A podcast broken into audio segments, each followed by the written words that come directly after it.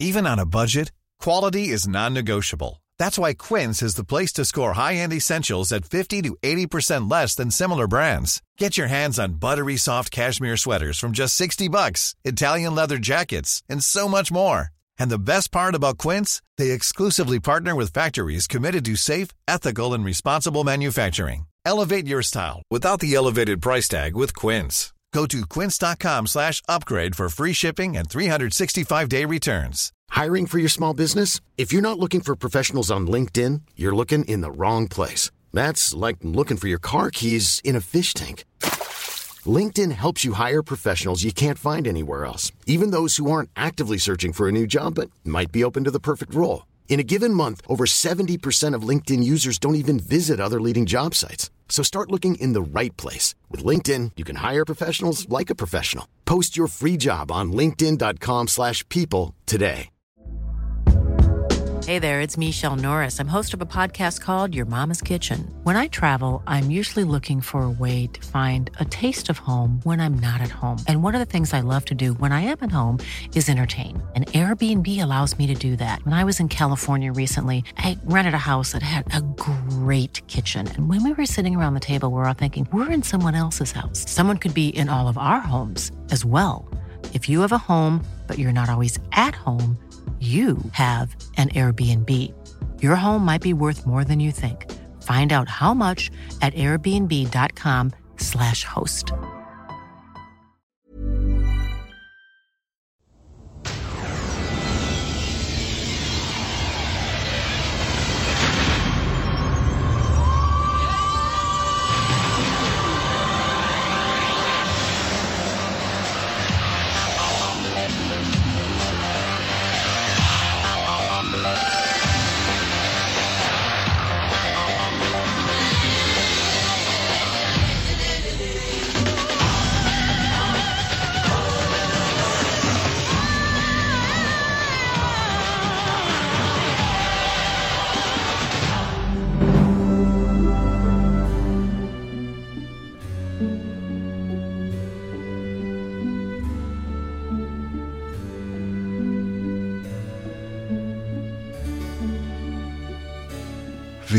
98. Jag var i den där VM-åldern 98. Den bästa VM-åldern. När man var för ung för att sommarjobba. Men tillräckligt gammal för att få vara ensam hemma. Så jag och min syster satt hela dagarna ensamma i vårt hus och såg alla matcherna. Man slets mellan två impulser. Dels då att titta på de här matcherna som man hela tiden eh, som ett mantra upprepades av äldre män i släkten på varje släktkalas. Allting sånt. Att VM spelas ju bara en gång var fjärde år. Det fanns en sån dyrbarhet i de här matcherna. Man slets av dragningskraften mot dem men också mellan det och iven att själv gå ut i trädgården. I det hemmasnickrade mål som stod bakom komposterna. Jag förstod aldrig hur pappa fick målet bakom komposterna.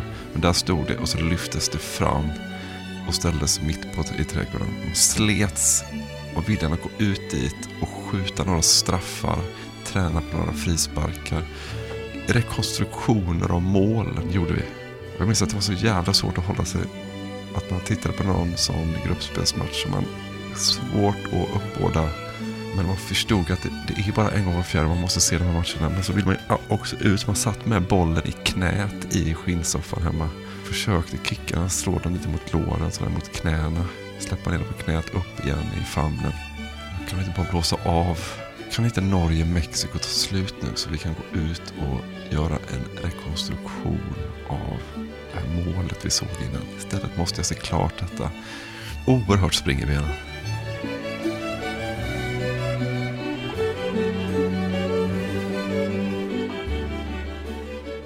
För att det ska kännas riktigt mycket som eh, fotbolls-VM i Frankrike 1998 så, så vill jag i alla fall att eh, Tre Kronor ska ha vunnit VM-guld. Just det. I ishockey. Med Uffe Dahlén, Jonas Bergqvist, Janne Matzig och Mattias Örlund i laget. Annars känns det inte som VM 98. Nej, VM-bollen ska ju vara en helt vanlig fotboll. ja. Tycker jag för att det ska kännas som 98. En vanlig fotboll bara. Du ska knappt se skillnad på den VM-bollen och eh, Helmut Kohl när han kom ut från en bastu. Danska fotbollsspelare ska se ut som helt vanliga campinggäster på Apelvikens camping i Varberg. De ska ha den där vuxna mannens energi. Jag tycker att tv-sportens utsända, de måste ha en mikrofon med den här gamla sportspegeln eller tv-sporten-loggan på. Mm. På den här lilla strumpan då som är ett puffskydd över mikrofonen. Mm. Det tycker jag är viktigt. Och den mikrofonen kan dyka upp i alla sammanhang som den inte dyker upp i längre. Den kan stickas fram under näsan på Erik Mykland eller Ja. Bosse. Förbundskaptens Bosse i Danmark helt plötsligt så här. Jaha. Där är den. Där är någon från TV-sport. Ja. De har folk på plats som gör intervjuer med annat än svenska förbundskaptener. Då känns det som VM 98. Ja. Det ska introduceras en ny fint för att det ska kännas som VM 98. En ny fint som man aldrig sett innan. Men som man då kan undra om den kommer att ta en permanent plats i liksom fintrepertoaren. Och Kotscha hittade på en ny kombination av sulfinten och överstegaren. Kommer den ta plats och bli en permanent fint? Vi vet inte riktigt. Men vi vet att det är VM 98. För min del får gärna huvudet på den lilla havsfrun där utanför Köpenhamn ha sågats av några dagar före VM-premiären. För att det ska vara den här riktiga VM 98-känslan så ska komma fram en sån här målskytt som man som 12-åring inte riktigt visste fanns men som bara är en sån målskytt, typ Davor Tjocker. Som bara ser ut som en helt vanlig människa, ser inte ut som en idrottsman överhuvudtaget, men som kan nicka, skjuta, dribbla, stöta in returer, göra mål på alla sätt från alla vinklar. En sån målskytt måste finnas i ett VM. Ingen sån målskytt heller som gör alla besvikna och som aldrig kommer till utan en person som bara gör mål hela tiden. Hela tiden bara gör mål på massa olika sätt och som aldrig passar fast han borde göra det. Man bara gör mål så här hela tiden. Sen skulle jag vilja säga att utan inbördes ordning egentligen att för att det riktigt ska kittla till eh, av VM 98-känsla i magen så, så tycker jag nog att Louise Jönke ska ha vunnit eh, 200 meter fritt på EM. Bara en vecka efter att Jill Johnson vunnit Melodifestivalen med låten Kärleken är. Ja, då råder det fan inget tvivel om att det är VM 98. Och sen så ska alla de svenska allsvenska domarna varit så fruktansvärt dåliga så att ingen är ens i närheten av att få döma en sekunds VM-fotboll i Frankrike. Man ska kunna alla ljuden i VM-låten, men inte ha en aning om vad det är för spanska ord. La Copa del Amor, Barat Virbi, Alup Estrella, Sapo Estrella, Ustado Estrella.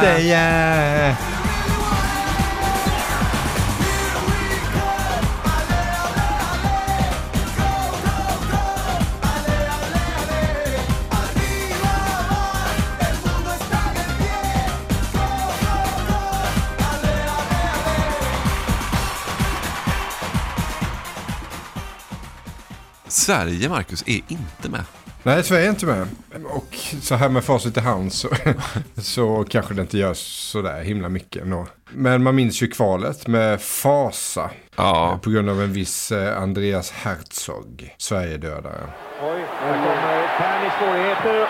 Och där gör han mål! Herzog! ja han gör ju mål i båda mötena va?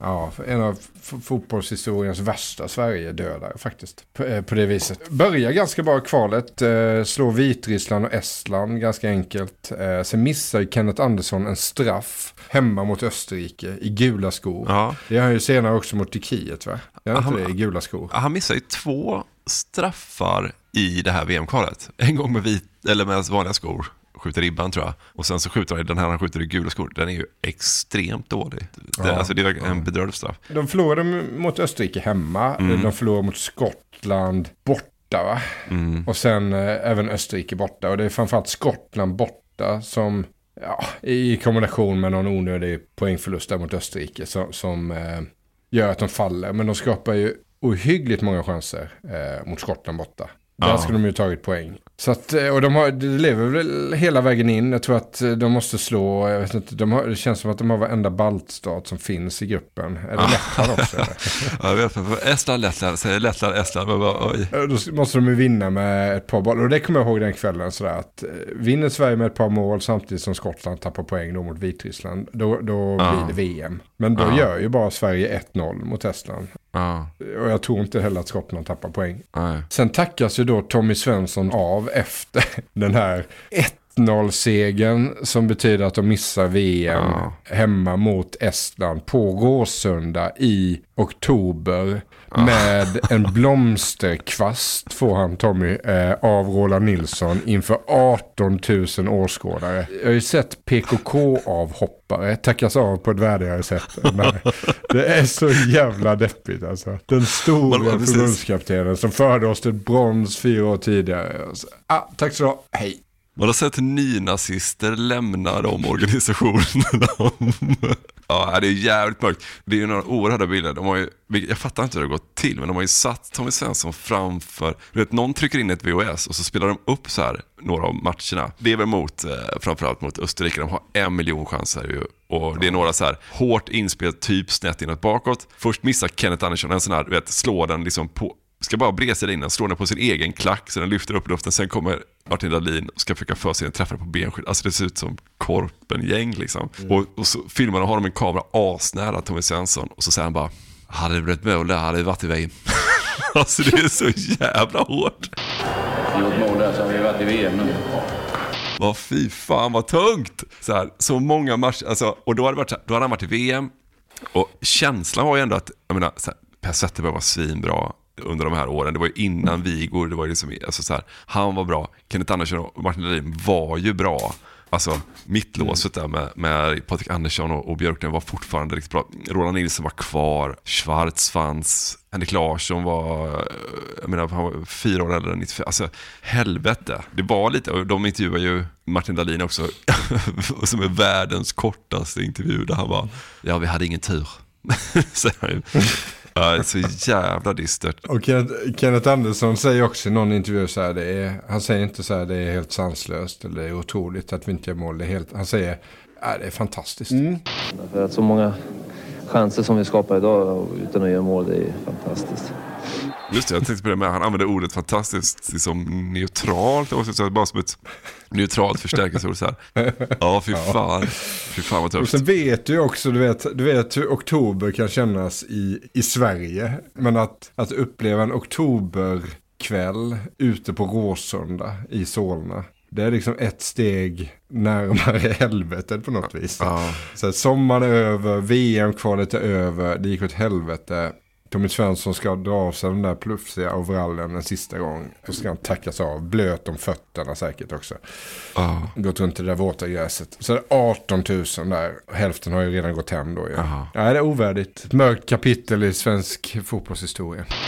Per Zetterberg, Sveriges bästa fotbollsspelare 1997, stod för matchens enda mål. Men det var över. Tommy Svensson avtackades, den mest framgångsrike svenske förbundskaptenen genom tiderna med VM-bronset 94 som minnestopp. Det som Svensson och fotbollssverige inte vill komma ihåg i framtiden är kvalet till VM 98. Målmissarnas kval. Men det är också lite det här, kungen är död, länge lever kungen. Alltså, när vi pratade om det här avsnittet om eh, Kamerun-Sverige, första matchen i 94, då gick vi ju igenom när Nordin fick sparken. Hur dystert det var, liksom sitta där och i tv då och bli liksom eh, mjölkad på den här tragedin och sådär. Liksom. Och Tommy Svensson då togs emot och det var liksom tjo och tjim och han hade tagit Sverige till VM 94 och man visste vad som skulle hända och sådär. Liksom. Och där var det ju helt omöjligt att föreställa sig att Tommy Svensson skulle behöva genomlida någonting liknande. Men så kommer det, den tiden kommer liksom alltid. Samma sak med Janne. Här. Janne vinner playoff mot Italien, tar Sverige till kvartsfinal i VM 2018. Är med i alla, alla poddar, ligger med händerna bakom ryggen och fötterna upp på en kudde i någon podd och är världens, vet, dyker upp överallt. Det är så här, allt är frid för. Ja, och nu är han mer pressad än någon annan. Det kan bli ett otroligt tragiskt slut för Janne. Alla skarv, de, som att det finns någon sån gudomlig naturlag, liksom, som bara är så här ett circle of life typ. Det är så det ser Mm. ut bara. Mm. Någon gång fasas man ut. Ja, både fasas och chasas ut. Ja. Chas med dig Tommy Svensson. Ja. Hade vi satt den hade vi varit i VM nu. Åh fy fan vad tungt alltså. Men det gör ju också att man kan fokusera på allting annat i VM. Man behöver liksom inte bry sig om Sveriges evighetslånga VM-förberedelser och deras träningsmatcher mot Finland och Wales och sådär. Utan man kan bara så här rätt in i Brasilien och Skottland. Ja. Och tycka att det är det bästa som har hänt. Då tycker jag vi låter en påa på SVT, för sådana fann- fanns då, ta oss in i den första VM-dagen. Varsågoda. Välkomna till oss och till sommarens stora händelse, VM i fotboll. Fem veckor med hela 44 matcher ska det bli och först en pampig invigning förstås från den nybyggda Stade, eh, Stade de France i Paris. Välkomna denna eftermiddag till VM-studion i Stockholm. Och äntligen, äntligen, äntligen, efter fyra år så är det dags igen. Hur var det han sa, den legendariske brittiske fotbollsledaren? De som påstår, sa han Bill Shankly, att fotboll är en fråga om liv eller död är dårar. Fotboll är mycket viktigare än så. Studion leds av eh, Olsberg. Första dagen här då, det är lite eh, invigning och så vidare. Då har de invigningen på den stadion, eh, Stade de France. Det är då den stadion där eh, första ja, invigningen är och, och sen så ska då Brasilien möta Skottland där. I studion, förutom Olsberg, Jobimir Vranjes och mm-hmm. Eh, Frändesjö. Även Erik Samba-Erik Johansson. För han har varit verksam som junior i Brasilien, ju. Örgrytaren. Han är i studion. Det är jävla massa gäster i studion. Alltså, Oldsberg gillar ju gäster. Han tycker det är jävligt fint att bjuda in. Det ska nog vara liksom mycket folk. Så här, inför det as, asladdade mötet mellan USA och Iran till exempel, då sitter Malin Evelöv Krepp och Slangen där också. Mycket handbollsspelare i studion. Vet. Verkligen ex expertis på utrikespolitik och sådär då. Ja, precis. Malin Evelöv. Ja, tror- Vad tror de? Varför är den här, varför finns det en sån hetta här mellan USA och Iran? Malin Evelöv. Det sitter bara hon och slangen så tittar rakt in i kameran så här, bara, okej, perfekt. Du vet, Olsberg lämnar över till så här, alltså, en svensk diplomat helt enkelt i Washington liksom, och som lämnar dem rapport. Det är, alltså, det är så jävla laddat mellan USA och Iran, vi kommer komma tillbaka till det sen. Då sitter de, då är det slangen och Malin Evelöv och, och, Olsberg som ska liksom ta hand om det hon berättar. Så, i, Ta ner det, ta så. ner det i studion, det är så jävla, så jävla oseriöst. Bara, "Ha, okej. Han är så lättsam Olsberg, men han är ju med så här, han bara, ja, ja, det här ordnar väl sig, du vet, så här, det går alltid att vara bara lite på uppstuds och så. Martin Dahlin är också i studion då, den här första dagen. Eh, Och vi har pratat tidigare om så här, Dahlin har ju ett väldigt, han är otroligt allvarlig, han är så noggrann liksom. Pratar, ty, pratar tyst, kort och tyst. Han är så här, nu är jag med i tv, nu är det liksom jävligt eh, noggrant och så här, otroligt avstämt pratar han hela tiden. Så här. De visar hans mål från eh, VM 94, visar liksom inga känslor överhuvudtaget. Så här, nicken i krysset mot eh, Ryssland. Man får, man får gå så direkt när man ser den. Bra språnget nu. Han sprang ur offsiden. Kenneth Andersson hittade läget till Martin Dahlin! Och nu är det väl klart ändå. 3-1. Underbart! Vilket mål! Och då är det bara kommentaren så här, det är bara så ja men med ett, med ett så fint inlägg så eh, det är bara att sätta dit pannan. Nej, det är inte så svårt som det ser ut kanske. Det är ett perfekt inlägg från Kenneth och det är bara att sätta pannan till så jag hoppas på det bästa. Ja, helvete, det är nog en språngnick i krysset här. Det var också en innan, alltså det, den svenska jantelagen är fortfarande, ja den står sig starkt. ja, den står i full blom fortfarande. Ja, riktigt fint. Dahlin tror på Brasilien, Argentina, Tyskland i hans, eh, i hans tips. Tyskland då för att de alltid går långt i, i mästerskapen. Jag pratar tyst här och snabbt också. Mm. Tyskland, Tyskland eh, går alltid långt i mästerskap. Ja, jag- tror det kan vara riktigt bra. Så här. Ja, i alla fall. Åsberg lämnar över då till Hegerfors som sitter på Stade de France. Och eh, ja, vi kan lyssna lite på vad liksom de första orden från Frankrike, vad, vad, vad det är. Det är bra det. Nu tror jag att vi har kontakt med eh, kommentatorerna i Paris, nämligen Arne Hegerfors och Glenn Strömberg. Hallå pojkar! Hallå Ingvar och Martin och alla ni andra. Ja. Du eh, Arne, vi, vi läser en del i tidningarna om att eh, det är kravaller och oroligheter och poliser på rullskridskor. Vad är det som pågår? Ja, det pågår inte just nu dessbättre, utan nu pågår en sorts invigning här. Det var ju igår kväll som man hade en eh, fest inne i Paris. En fest som slutade med att förortsgangsters kom in och ställde till med problem som gjorde att bland annat en polis blev allvarligt skadad. Det blev alltså karavaller, men det berodde inte på fotbollssupporters utan på folk som kom in ifrån förorterna till Paris och ville bråka. Och det är inte mycket att göra åt det. Nej, det är det inte Arne. Ja, redan dag ett ändå lite tyngt av huliganer och kravaller. Och där ska vi ju även då få, tyvärr, få anledning att återkomma till.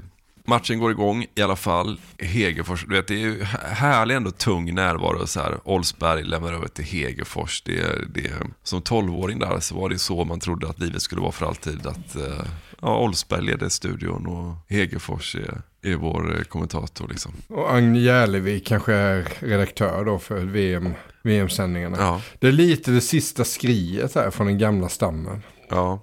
Hegerfors gör ju sitt sista mästerskap. Ja. Han, han eh, signade väl för Kanal Plus redan 97 tror jag. Men skrev in eh, i det avtalet att han skulle få kommentera fotbolls-VM 98. Helvete, skulle vi kunna komma över det kontraktet? För det är väl ett klassiskt kontrakt ändå? Ja, det kan gå faktiskt om jag, om jag anstränger mig lite. Ja, det finns, det finns ett garage ute i Örby som, eh, där det finns eh, ett gäng permar som jag har velat komma över länge. Där kan det finnas faktiskt. Jag ska undersöka saker. Ja. Halvtid i alla fall mellan Brasilien och Skottland. Jag minns den här första upplistmatchen jävligt väl faktiskt. Eh, Vem gör första målet för Brasilien, Marcus? Ja, du, är det Cesar eller? Jajamän. Bebeto, forwardpartner med Romario för fyra år sedan. Hårt inåtskruvad hörna och det är mål. Det är 1-0 och det är Cesar Sampaio.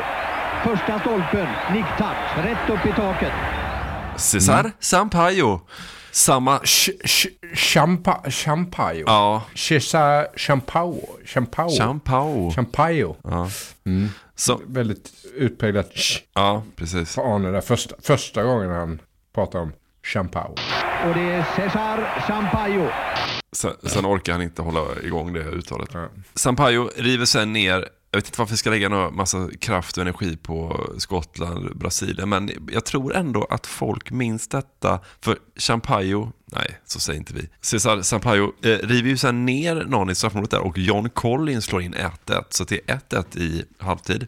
Vi går tillbaka in i studion. Jävligt mysig stämning. Det är ganska lätt straff. Det är, kul, det är lite kul för att det som händer i den här studion, det är inte så spektakulärt egentligen Marcus. Det är bara en helt jävla vanlig studio första dagen sådär. Det är inget, men vi vill, gillar ändå SVTs studio. Vi måste liksom, vi måste ändå närstudera dem på något sätt. Men det är en mysig stämning när Oldsberg då säger till en gravallvarlig Dalin. Som, Dalin är ju hela tiden i att nu är jag med här, jag svarar seriöst, jag sakligt och noga liksom. Och då frågar han eh, bara lite så här uppsluppet om, för han faller ganska lätt den här skotten, det är någon tröjdragning och så faller han liksom. Och då frågar så här, skulle du också ramlat där Dalin? då svarar han bara, eh, ja det skulle jag säkert. och så blir det liksom ett, ett härligt skratt kring det. Ja, jag skulle jag säkert gjort det så här sakligt och Ärligt Ja, också. ärligt. Ja, jag ska, ja, ja, ja, ja, ja, det ska jag vara. Är man en smart anfallare så ramlar man och han fick ju straff. Hade du ramlat där? hade jag säkert. Han var ju en underbar fotbollsspelare, Martin Olin. Så jävla fin, så här, riktig straffområdesspelare. Så här, sköt på allt, bara som ful armbågar. Bara, så här, ja, Vi har inte fått fram någon riktigt någon sån spelare sedan dess som varit en sån straffområdesdödare. Det skulle, skulle behövas faktiskt. Ja, En riktig bödel i straffområdet.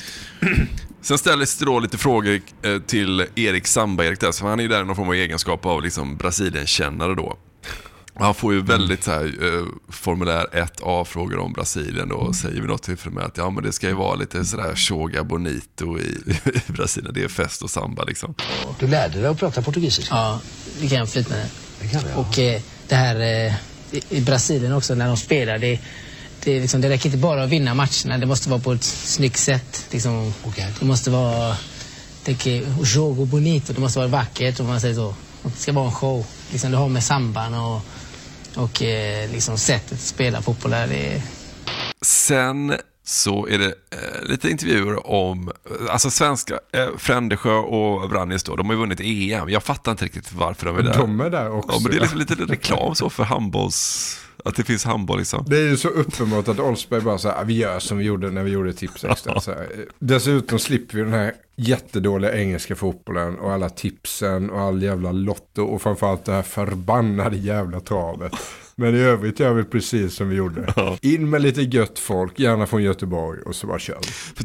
Tror du så här, Gusten Dahlin skulle vilja ha in så här Gottfridsson och Darj i studion? Max, Max Darj. Ja, Max Darj i studion. Han har inte- Gusten Dahlin har inte en enda fråga till dem. Och sen Tove Alexandersson och Kajsa Bergqvist är med också.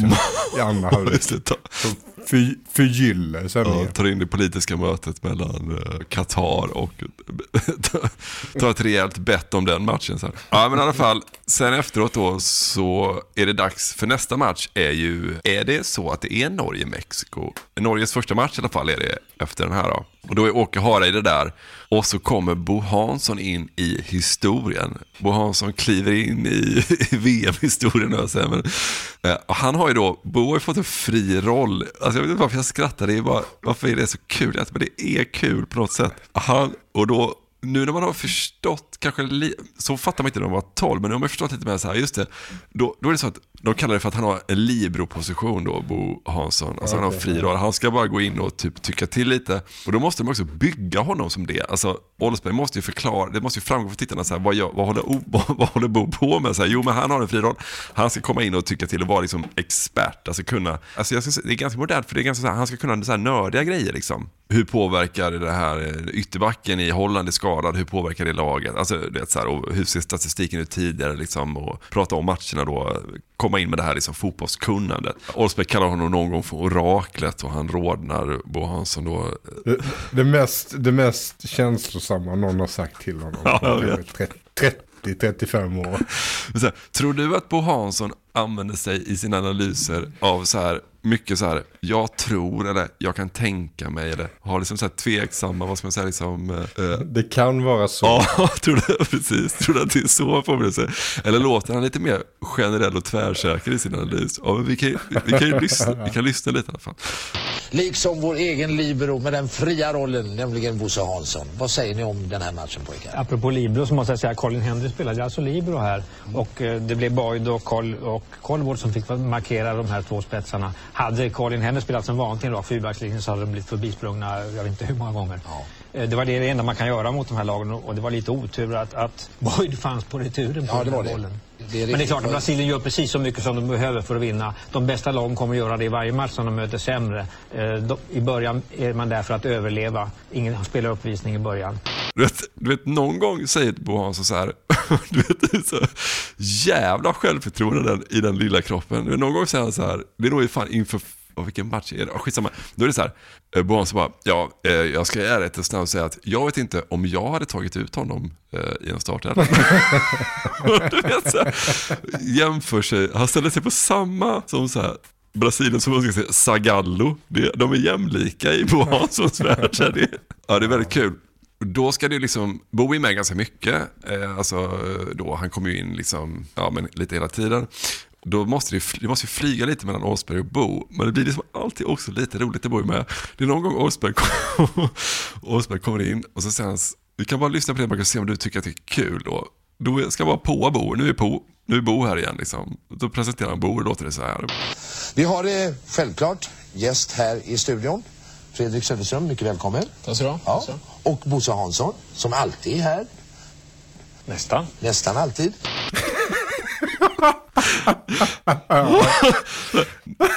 Nästan. Ja, okej. vi, går vidare, vi går vidare. Jag vet, inte, jag vet inte, man hade ju ingen aning om det här när man såg det när man var liten. Så man bara, ja okej, Bo är där liksom. Men nu är det som att allting har liksom ett lite så här komisk, liksom, komisk är av sig. Så här, lille, lille Bo sitter där så här. Så är det. Jag tror Ja, men det, jag tycker det är härligt. Jag tycker det tyder på att de har gjort så oerhört mycket tv. De är så trygga i framför kameran. Och så. Det behöver inte, varje ord behöver inte vara så laddat hela tiden. Du vet, så här, det ska föras framåt och det ska vara så här. Nej, man, kan bara, man kan bara vara lite också. Som ett, du vet, man springer in på någon utanför, springer på någon så utanför Ica. Ja. Så kan det vara i en VM-studio. Så, mm, ja, nästa. nästa. Det är så jävla fint så här också när olika energier är på samma plats. Jag tycker det är så här härligt. Så här. Tobbe Nilsson är där, jag tror att det är inför Holland-Jugoslavien.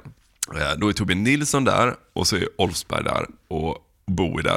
Och det är tre helt unika energier. Alltså de, Oldsberg är ju lättsam, man tänker så här, ja, vad fan vi löser väl det här, vi kan väl sitta och tjabba precis vad som helst och man kan kasta ur sig någonting, tyck till. Och så, vad, tror- vad tror du om det här? Han är oerhört lättsam. Tobbe Nilsson, han vill ha så här, genomtänkta saker, ha genomtänkta analyser, alltså det är inget slarv med Tobbe Nilsson liksom. Och så har vi Bo, Bo då, då är det så här fin sekvens. Då kommer Bo inspringande så här, då står det en tom stol i studion. Så, här, så kommer Bo trippandes in och har fått skrivit ut startelvorna liksom. Och eh, då är det någon, eh, det är någon förändring, jag tror att det är så att det är Bågarde som tas in eller någonting. Det, eller om det är Reitziger, ja skitsamma, eh, som tas in. Och då, är det liksom, då har ju Bo naturligtvis en åsikt om hur det påverkar. Liksom. Då får man dynamik Hollands starter. Då ska han bara bolla det snabbt med Tobbe Nilsson. Så här. Ja, han är lite stabbig, eller vad tycker du Tobbe Nilsson? Och tittar bara Tobbe Nilsson på Bo Hansson. Så här. Kan inte, han kan inte göra det. Han kan inte göra det alls.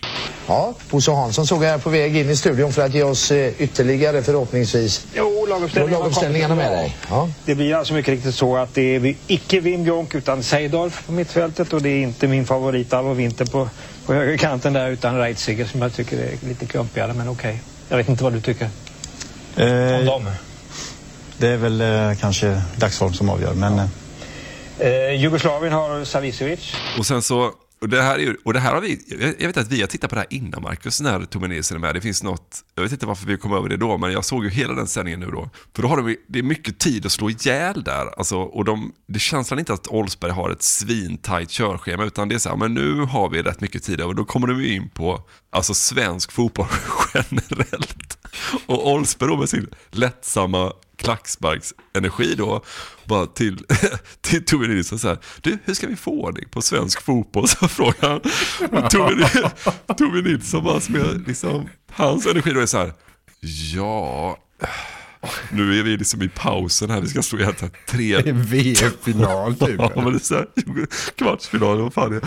Han bara, ja du, det är en rätt stor fråga. Han säger någonting så här, typ, ja, så här, hur mycket tid har vi typ? Vad ska vi göra för att bli bättre i svensk fotboll framöver och ta hand om alla talanger så vi kan vara med i, i VM-sammanhang framöver? Har vi, har vi förutsättningar till det? Ja, det är nog Det är många en svår saker. fråga. Ja, Ja. I en halvlek på en eh, VM så, så tror jag inte man kan svara på den. Men det finns talanger i alla fall. Det Det pågår en annan utredning och mycket snack. Ja. det, det, men det är mycket som behövs också. Ekonomi också naturligtvis. Ja. Och så bor de med sin helt andra energi. Han bara, ja jag har inga problem att plocka upp den bollen. Så han börjar ju trycka på. Bo skulle kunna sitta där och snacka, du vet, dra generella slutsatser om, om allsvenskan hur länge som helst. Han har liksom ingen, det finns ingen, ingen sån spärr där överhuvudtaget. Ingen spärr. Ja, så här fint. Och så är det någon annan gång, vi, ska, vi är snart klara med studion, men det är någon annan gång, Bo bara, då är det så här, samtalet har helt gått i stå. Då sitter Bo där på kanten, så säger han bara så här, eh, har, vi, behövs det, har vi mer tid som behöver slås? Ja, jag tänker, till Osberg då, Osberg bara, ja, ja, jo, ja. Avdelning förbundskaptenen säger Bo då. Då, har, då ska han bara orera fritt kring som förbundskaptenen. Det slutar liksom med att de fejdar bara ut Bo, så de går bara rakt in i något annat klipp. Alltså de sänker långsamt hjulet på Bo och går vidare. Det är så jävla fint. Det är fusk helt enkelt. Ja, det är märkligt. Det är det faktiskt. Du, eh, Ja, jag tänkte på avdelningen förbundskaptener. Det var den femte, Var det som, försvann, femte? femte som försvann ut tidigare i Saudi. Han avgick ju nästan innan han fick sparken av, allt att döma, den amerikanen. Men Saudiarabien... Avdelning förbundskapten. Ja, det är jävligt fint. Men det finns också ljusglimtar. Alltså, Oldsberg är ju bäst i världen ändå på det här. Det är någon gång Klas Ingesson är där till exempel. Och eh, Klas Ingesson har på sig, det här har jag aldrig sett innan. Klas Ingesson har på sig sådana här kakig shorts, du vet. Eller inte shorts, kakibyxor. Funktionella. Man brukar ha ett, en ficka på ena, på låret typ. Det här, det, här, det här har dubbla sådana fickor. Så han har alltså sex fickor fram. två, åtta fickor på dem. fan har han i fickorna? Alltså, åtta fickor. Och bakfickor, det är så jävla mycket fick, fickor. Sitter där och pratar. Och så ska, det här är så här snyggt av Oldsberg då, för då ska Oldsberg göra en AVA och säga så här, ja men nu är vi klara för idag, imorgon sänder TV4 och så är vi tillbaka sen. Då tar han upp en boll då, eh, Oldsberg, och så börjar han joxa med den. Och du vet, gör ändå så här tio kickar ganska kontrollerat så här, och skickar över den till, eh, till Ingesson. Så blir rätt imponerad. Han bara, jag tar upp den, tar den i handen så här, och så tror jag vi är klara nu. Och så en perfekt AVA från Oldsberg. Ja, och det du vinner är den här bollen. Kom upp nu eh, Klabbe, får vi se vad du har för känsla. Det är inte mycket. Och vilken, vilken studs det var den här du. Vi håller på till klockan 23. Jag tar den så, så ska vi sluta nu. Då säger vi tack för oss för idag. Imorgon är det TV4 och sen är vi tillbaka nästa dag och Hansson är tillbaka 23.10 imorgon kväll. Hej så länge. Så, så där kan det också vara då i, VM-studion. Ja, jag tycker det låter som en alldeles underbar VM-studio. Skulle vilja se hel, i sin helhet. Varför lägger de inte upp det på Öppet Arkiv, SVT? Så här, studion i sig kan man väl sula upp. eller? Alla VM-studios, alla mellansnack, Ja. alla uppsnack, alla eftersnack. Allting. De sitter ju på en guldgruva för helvete. Ja. För oss är det ju som så här, du vet, när så här, Bob Dylan släpper sina så här, vad hette det? Han släppte ju någon så här, The Lost Tapes, så här helt unika inspelningar, du vet, så här, man har versioner av vissa låtar man aldrig hört innan. Vi vill ju ha det fast Bo, med Bo Hansson. Han har ju någon, han går ju på så här 2310 också, borde tror jag han har något slags eget magasin. Jag kommer inte åt det, men vad kan det ha funnits där liksom? Bo helt själv. Ja, det, det är värt att gå tillbaka. Vet, Bo För återvända till. Bo går bara in, inga studiotekniker överhuvudtaget. Han går bara fram, så in i en studio, så trycker på en videokamera och sätter den mot sig själv och, och öser på. Hela den VM-produktionen då som har jobbat kamera med och skripta allting. De låter allting bara stå igång. så, går, så går Bo Hansson in och sätter sig. Nu, nu kör vi hela natten här. Slå, Så länge till. ja, slår liksom en så här, en trave A4-papper ner i bordet framför sig. Sen bara köttar på liksom. Ja, herregud. Och bra vi hade det. Det är VM 98 för mig. Ja men det är det jag säger. De, gamla, eh, den gamla stammen eh, dansar en sista sommar. Ja, det är fan lite så. Ja. Bosse i fri roll, eh, Oldsberg också i fri roll Ja. och Arne i en helt fri roll. Ja. Och Albert eh, också i en fri roll. Precis. Får vi säga. Och han gör ju krönika, Marcus. Oggi il calcio ha una- un'importanza straordinaria. Due paesi c'è fermo. Durante due ore, un'ora e mezzo c'è, più niente, niente in, in- in un paese. Incredibile. Oggi a parte magari un presidente della Repubblica, un Papa,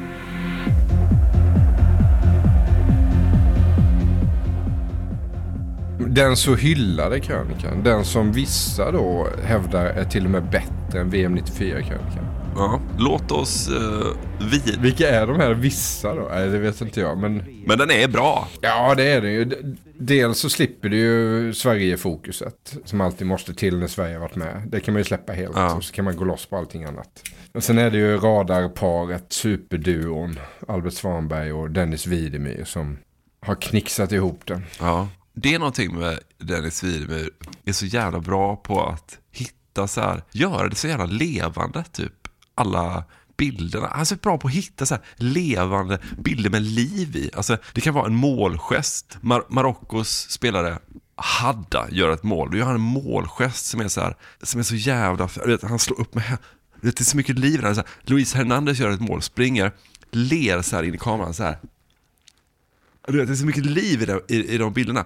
Den bästa liksom, i den kategorin kanske är så här när Klinsman går, han gör, Klinsman har gjort ett mål, stångat in en retur, så kommer snabbt nickat in den så här. Sen går han in i målet med händerna så här, uppåt, ner, uppåt, ner. Och så börjar den här låten som är den här, Där...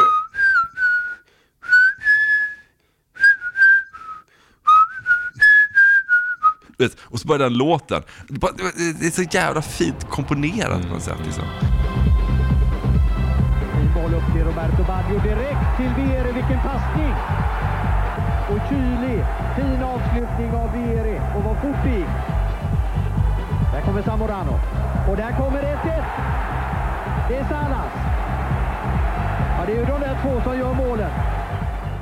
Ja, Dennis är så bra på, det är väl det här som är bildjournalistik då, om du inte filmar själv, utan att du hittar rätt bilder som sätter an en känsla eller stämning och sådär. Så att han gör ju nästan VMet bättre än vad det var. Ja, ja men jag tror det. Vid redigeringsbordet sen efteråt. När man kan välja och vraka på allting som finns. Ja, det är härligt. Och sen så är han ju fortfarande han är modig Dennis för att han vågar ju köra ett, eh, ja men han driver med den här eh, stinsen från Colombia, jag kommer inte riktigt ihåg vad han heter, men som dömer Ja, eh.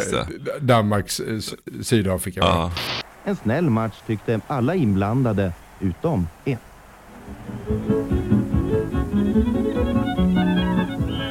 Sju gula och tre röda kort delade Toro Rendon ut. Sen fick han åka hem. Stinsen från Colombia. Driver med honom, slänger på Benny Hill-musik och, och spelar upp det lite snabbare. Så det ser för jävla dumt ut. Och sen även lite bloopers. Det funkar även 98 under ett fotbolls så, så kan Dennis så här, rida ur, Ja, jag vet. ur den stormen. På något vis. Utan att det känns barnsligt liksom. Det är, Nej, bara, det är bara, bara helt härligt. naturligt. Någon kameraman får bollen i huvudet så att hans hörlurar åker av. Alltså, du vet, och så perfekt sån Benny Hill-musik. Alltså han är, han är så jävla bra på att hitta de låtarna. Och så perfekt så komponerat till bilderna. Det är någon så här tjock supporter som står på läktarna och gör den här. Nu måste jag visa dig Marcus. Och så gör han den här liksom. Du vet. Dansa till den ja, det är musiken. så jävla liv i de bilderna. Helt perfekt. Ja, han är en, han är en trollkonstnär. Ta mig fan alltså Dennis Wider. Och just det här att när man visar upp bloopers och lite annat som händer. Det vittnar ju också om det här enorma arrangemanget som man vill känna av även efter. Så här att ja just det, det var ett fotbolls Det hände så fruktansvärt mycket saker. Det var så mycket människor där. Det var kameramän, det var supportrar, det var fans, det var ja just det. det. Det var årets arrangemang Ja. på något vis. Världens största idrottsfest. Och, och det är han ju jävligt skicklig på fånga den känslan. Sen är det ju klart, hela krönikan får ju hjälp av referaten. Ja, det får de verkligen. Arne Hegerfors med Champao, Champaio. Mats Nyström kommenterar ju. Eller vad han nu gör. Jag vet faktiskt inte vad fan han pysslar med Mats Nyström. Han är extremt skrikig. När jag satt och kollade på krönikan så fick jag ju nästan så här sänka ljudet här. Och tänkte vad är detta för stolle som håller igång här? Om det är Norge, Mexiko eller någon tidig match. Tyskland tror jag han kommenterar rätt tidigt. Så han skriker ju eh, så att det, ljudet spricker. Hernandez! Hernandez! Hernandez gör 1-0 för Mexiko! Ja, det är inte klokt vad den här killen håller sig framme. Ariano går själv och gör en riktigt bra boll i stolpen. Returen kommer med Blanco på till Hernandez och det är Köpke. Listet och Biros i mål. Oliver Biros! Oliver Biros! Farligt Klinsmann! Jürgen Klinsmann! Vi återkommer till vad som jag tror i SIB-sammanhang kan vara en känslig fråga, men som ändå bör ställas. Och det är ju, vad är Mats Nyström bra på? Vi fortsätter. Sökandet fortsätter. Nej men det är mycket Lindeborg också och han hjälper ju till såklart. Ja. Eh, Några otroliga, både han och Arne, vi har ju pratat mycket om det tidigare. De har ju en timing och ett lugn i stunden som gör att de inte behöver gå upp i falsett. De behöver inte skrika, de behöver inte berätta att det blir mål, för det ser ju alla. Utan istället så pratar de sig igenom målet och säger vad som händer. Men gör det också på ett lite, men ett slags poetiskt vis. Eh, mitt bästa exempel är väl så här, jag tror att det är Italien-Norge i åttondelarna. Vieri kommer fri och då har de tidigare visat hur mycket mål Vieri gjorde i VM och sådär. Och så säger Staffan, sådana här lägen älskar Vieri. Och så rullar han in bollen. Och så säger han inte mål. Så här, han sätter den. Utan sådana här lägen utnyttjar Vieri. Di Biagio. Suverän passning. Vieri. Sådana här lägen älskar Vieri. Sådana här lägen utnyttjar Vieri. Det är 1-0 till Italien. Hans femte mål i VM-slutspelet i all sin enkelhet ett formidabelt referat. Det är inget spektakulärt, det är bara en otrolig följsamhet och lätthet liksom. Ja, precis. Trygghet och någon slags sinnesnärvaro. Och att man litar på bilden. Att man behöver inte säga att det blir mål här. För det ser ju alla som ser matchen. Och då kan man säga någonting annat istället. Som, som får det att kännas lite bättre för den som tittar på matchen. Bara, bara så är det. Ja, nej, men det är mycket som är bra med krönikan. Eh, Är det inte så att Albert tar sig friheten här att ta ut ett eget världslag? Fast det är väl det officiella världslaget? Är det inte det? Ja, är det det? Ja, jag alltså? tror det. Men skulle Albert sänka sig till den nivån att han presenterar Fifas världslag då? Eller det som den internationella pressen har tagit ut? Ja, kanske. Jag tycker den starkaste sekvensen, som är, alltså, som är, jag tänker så här, som bara är så här, ett sånt jävla, men så här, sigillet. Som är så här, jag tycker det är så jävla snyggt att inför straffläggningen mot Argentina, vi befinner oss 49-10 in i krönikan. Då har bara Videmyr lämnat en bild okommenterat av Mick Jagger i publiken där han sammanbitet kör ett sånt här England! Och är så jävla sammanbiten. Står i klacken som en helt vanlig person i en vanlig skjorta liksom. Och sitt långa hår. Okommenterat. Det är så jävla snyggt. Alltså vilken bild liksom. Det var ju lite standard där eh, under några mästerskap. Eh, Att man satt och väntade på Mick Jagger. Ja. eh, Stå på läktaren och var lite eldig och go bland engelska supportrar. Ja, precis. För visst var det något Det hände mästerskap till? Var det 2002 kanske som han var där? Ja, det kan vara 02, kan vara på EM. Ja, det kan vara vara- 96, ja, precis. Ja. Och det gör ju någonting med en någonstans att, uh, okej, till och med han är där Ja. och tycker att det är viktigt. Ja, jo men verkligen. Alltså, jätteviktigt är det. Mm. Andra saker som jag tycker är nice med krönikan är hur bra de eh, danska referaten är. Jag tycker verkligen att få till de danska, och det kommer jag ihåg också var en sån där grej som man liksom, nå- nästan som när man kan få en dum låt på huvudet det där, som, inte, som vägrar släppa sig. Det är några av de här referaten jag kände igen nu när jag såg krönikan. Till exempel eh, när de danska kommentatorerna säger, jag tror att det är när de har gjort 4-0 mot Nigeria. Och då är det så här, nu är det nej, kvartsfinale.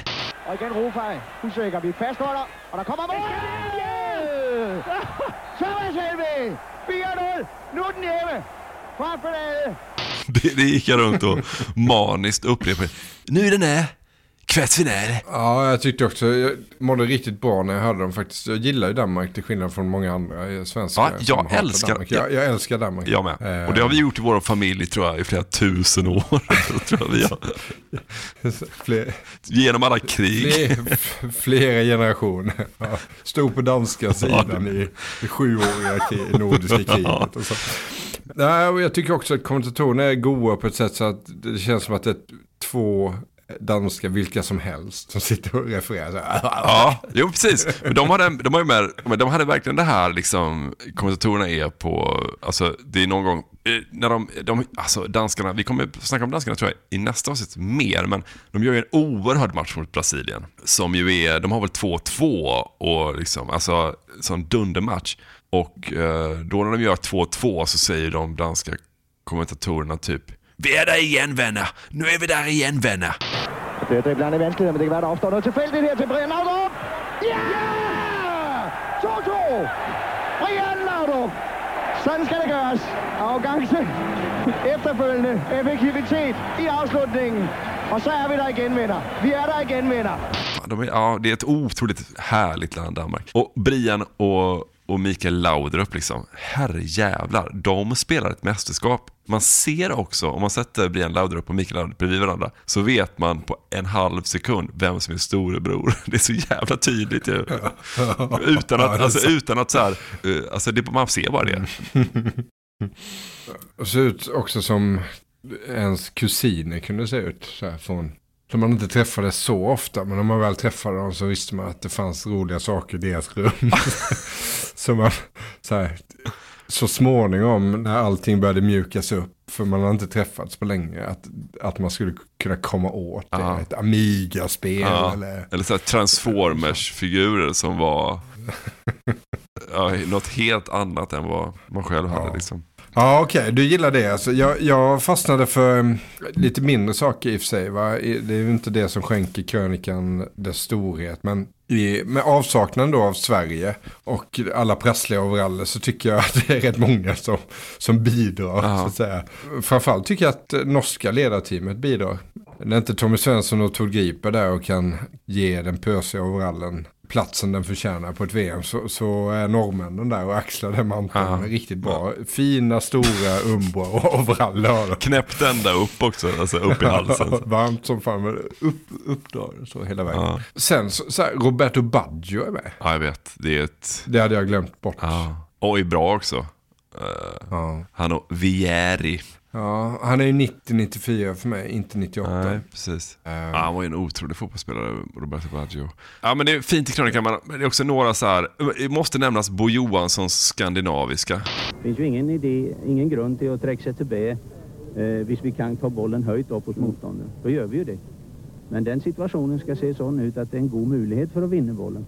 Eller jaktar man livet ur sig som fotbollsspelare också. Va? Och hvis det inte går, ja men då faller man till B.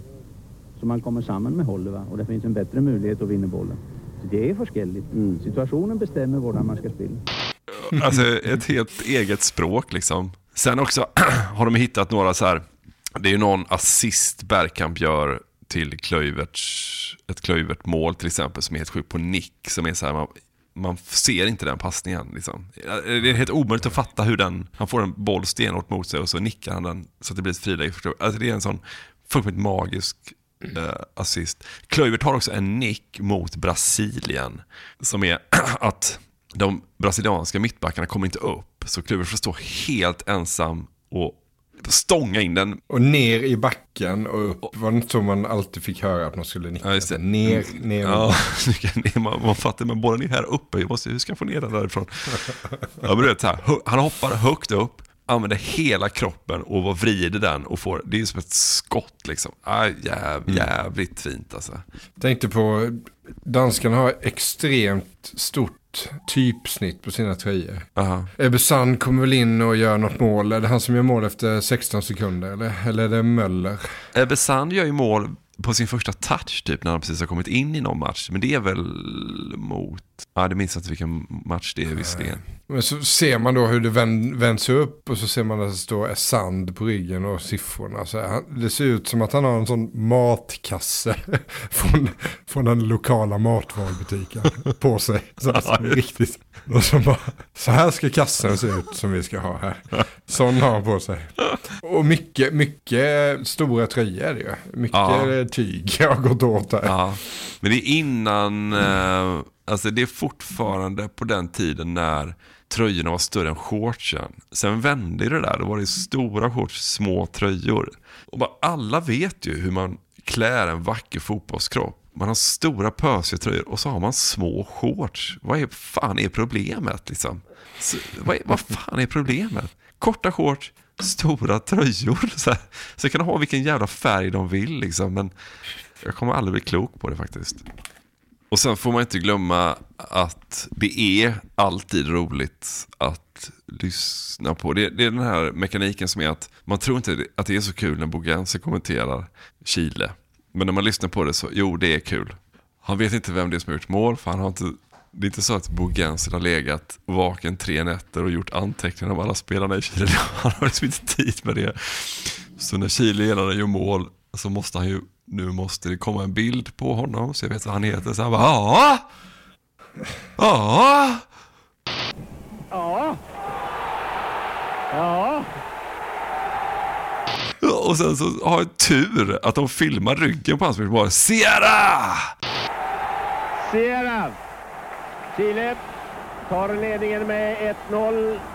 Han vänder upp också på ett bra sätt. Så han bara sitter och väntar så här, visar ryggen. För fan. Ja. Och han skulle ju kunna haft otur där att den chilenska spelaren var mitt i något sånt hög med spelare att hans namn inte skulle ha synts. Jag menar, så hade det också kunnat vara. Då hade, ju, då hade han inte vetat vem som gjort mål. Ja, det är väldigt, väldigt, väldigt fint. Han har ingen koll där, Bo Genser. Sierra. Så han då, Genser är chef på TV-sporten under den här perioden. Alltså han går ner och, och tar en match helt enkelt. Liksom. Är förmodligen ner på lite tv-sport sportchefsmöten och rättighetskonferenser och sådär. Och så river han av några matcher också. Förlänger semestern kanske, eller jobbar, eller så gör han en insats. Det kanske är en lucka någonstans. Vi behöver täcka den här Bo, du är ändå där. Okej, okay, jag tar den. Vi vet, Nej, vi vet inte det och nu kan vi inte fråga Nej. Bo här, det är synd. Det var ett fantastiskt mästerskap att åka ner och riva av två, tre matcher ja. på. Och, och, några möten och lite jobb sådär, någon konferens. Perfekt. Ja. Ja. ja. ja.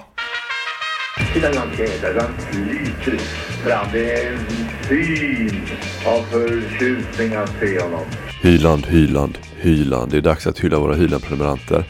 Och den här veckan, ja ni hör nästan att jag låter lite ivrig, är när jag tänkte läsa upp lite goda namn som deltog VM 98. Eh, jag kommer blanda samman dem med er Hyland-prenumeranter och jag gör det i en gest av tacksamhet för ert frikostiga stöd.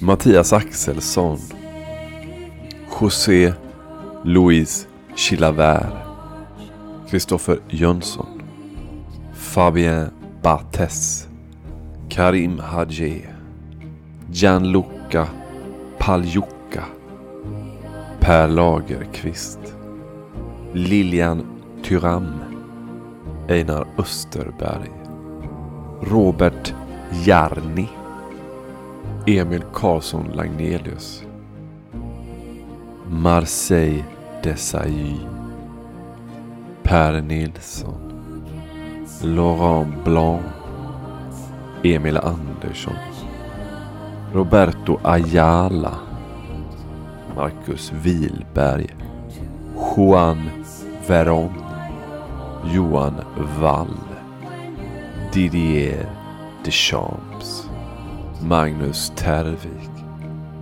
Fernando Hierro Mattias Sundling JJ Okocha Martin Karlgren Brian Laudrup Marcus Halling Ariel Ortega Simon Kingdahl Davor Schucker Sigurd Bjerke Marcelo Salas, Marcus Nyemad, Ivan Samarano, Kristoffer Saltberg, Christian Vieri, David Palmgren och Dennis Bergkamp.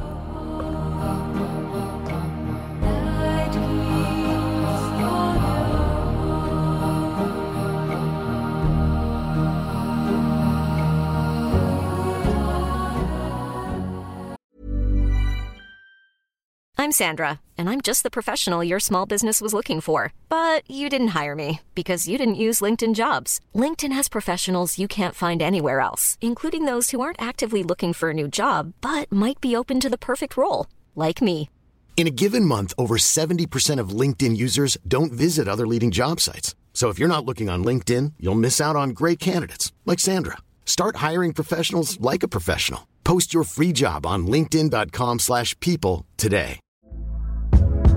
Hey there, it's Michelle Norris. I'm host of a podcast called Your Mama's Kitchen. When I travel, I'm usually looking for a way to find a taste of home when I'm not at home. And one of the things I love to do when I am at home is entertain. And Airbnb allows me to do that. When I was in California recently, I rented a house that had a great kitchen. And when we were sitting around the table, we we're all thinking, we're in someone else's house. Someone could be in all of our homes as well.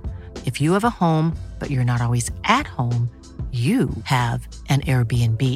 Your home might be worth more than you think.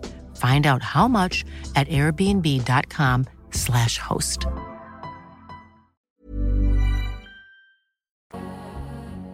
Det var ju som sagt lite kravaller och eh, oroligheter där redan första dagen.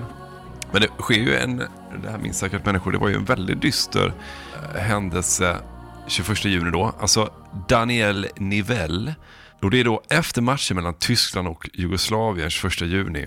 Eh, den matchen spelas i Lans. Så tyskarna då, de tar sina folkvagnar och kör, det ligger ganska nära, så man kör tre timmar västerut då från Tyskland till den lilla staden Lans, som tydligen har varit ockuperad två gånger av tyskarna under första halvan av eh, 1900-talet. Ganska många högerextrema tyska supportrar då, som när de åker in i staden sjunger Wir sind wieder einmarschiert. Alltså, vi har invaderat igen, sjunger de, tyskarna. Jävla massa oroligheter. De, tyskarna hoppas då, de möter ju Jugoslavien, men de, jag tror att de hoppas få tag på typ engelsmän. Liksom. Och då är det en jävla massa franska poliser där som försöker så här skärma, skära av och omringa de här tyska huliganerna. Men då är det ett 30-tal tyskar som svänger in liksom på en tvärgata. Och i slutet av den gatan står bara tre franska poliser. Och då har de, det är så jävla märkligt, då har de liksom stått där och så här kickat boll med en liten fransk kille typ. Liksom. Och så kommer de här liksom, 30 tyskarna. Två av de franska poliserna lyckas ta sig därifrån, men en blir kvar och det är då Daniel Nivell. Ja, det är så jävla brutalt. Alltså, en tysk slår honom medvetslös med en trafikskylt. Två andra står och sparkar och slår på honom. De är tre framförallt. Han tappar sin pistol som en av tyskarna plockar upp och fortsätter att slå honom med, liksom, med kolven då antar jag, på något jävla vänster. Liksom. Mm. Hjälmen flyger av och någon slår honom i huvudet med en träplanka. Det sägs att de håller på i två minuter liksom, och bara slår de här. Så här. Ja, otroligt grovt. Till slut, och de bilderna kommer jag, de såg man ju alltså, när man såg den här poolen med blod när han låg där och när några av andra franska poliser försöker hjälpa honom. De tar honom till ett sjukhus i Lille och där spenderar ju då Daniel väl sex veckor i koma. Ja, oerhört brutalt. Man vet inte om man ska överleva eller inte. Enorm skandal. Helmut Kohl, det här minns kanske folk också. Helmut Kohl kallar det för eh, att det är en nationell skandal. Ein Schande. Das ist eine Schande. Das ist eine wirkliche Schande für unser Land. Das ist ein, eine Form eines modernen Vandalismus, der völlig ina- inakzeptabel ist. Eine Schande för unseres Land. Tyska Bild Zeitung skriver Wir schämen uns. Och man pratar om att Tyskland ska dra sig ur eh, Mm. Bo Gensel lämnar rapport. Egidius Braun, ordförande i det tyska fotbollförbundet, fanns ej på plats i Lens igår när tyska huliganer slog ner en fransk polis med ett järnrör. Braun satt i tyska tv-studio i Paris och blev så upprörd över de tyska huliganernas framfart att han spontant sa vi åker hem och avstår fortsatt spel i VM. Det är detta uttalande som idag skapat rykten om att Tyskland avbryter VM men ännu är inget definitivt beslut fattat. Det troliga är att Tyskland blir kvar och ansluter sig till Fifas krav om hårdare tag från bland annat EUs sida för att stoppa huliganerna vid gränserna. Läget för den franske polismannen har idag stabiliserats. Så tyskarna är ju på väg ut ur mästerskapet. Gör inte det. Det man gör då istället är att man anordnar någon form av... Fan vad fint, fan vad fint ändå att eh, tysk huliganism gör att Bo Gensel kliver åter in Ja. i sin roll som Radiosporten-reporter som han har haft sedan 60-talet och lämnar en rapport. Han var ju också på flygplatsen utanför München när det skulle avgöras så att säga. Ja, just tillsammans det. med Tom Engström. Just det, just det, just det, just det. Det är så jävla olika för övrigt. Man ska liksom passa sig för att skoja då. Det här är ju väldigt allvarligt, men det är bara apropå så här, det är ju väldigt olika energier. Helmut Kohl säger då så här, eine Schande. Och sen så är det också någon i krönikan med Blair ju. För det har ju varit eh, engelska eh, huliganupptåg också. Och då, vad fan är det han säger, Blair, där han säger någonting typ så här. It's a, it's a, it's a, it's a complete disgrace to our country.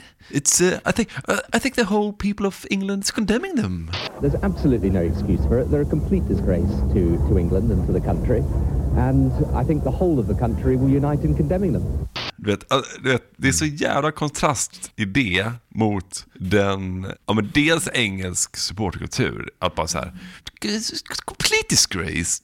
Du vet, Helmut Kohl har ju åtminstone lite så här, en kända, du vet, det finns någon kraft och tryck bakom det, men Blair är ju bara så här, ja, jag är ledsen Blair, men liksom du har, vem, fan är du? Eller du vet, Det är så många människor du ser ner på. Ja. Så att när du nu ser ner på de här så är det som att du ser ner på vem som helst. Ja, du, vill säga, du tänkte, jag hör på din röst Att din familj i generationer har liksom skott sig på andra människors arbete. Jag bara, ja, ja, i alla fall. Tyskarna anordnar, alltså tyskarna tar ju det, man anordnar någon insamling eh, till Nivelle i Hannover. När tyskarna spelar sin nästa match då i VM mot Iran. Man har skyltade det så här, eh, Pardon France, man ber om ursäkt. Tyska fotbollsförbundet och Fifa bygger ett nytt hus åt familjen Nivell. Man öppnar upp en antivåld, antivåldsfond i Nivells namn och sådär. Så man tar det på stort allvar. Liksom. Tio månader då efter VM så hålls ju då en rättegång mot de som missar, det är framförallt tre personer tror jag att det är. Eh, och det verkar vara en rivig rättegång. Alltså. Nivells eh, advokat är så här, vet, så här, de visade ingen ånger liksom, han, efter de första rättegångsdagarna. Liksom. De, det enda ånger de visade var att de grämdes. Inte slog ihjäl honom. Nej, men grämdes över att de hade låtit sig fotograferas typ. Liksom.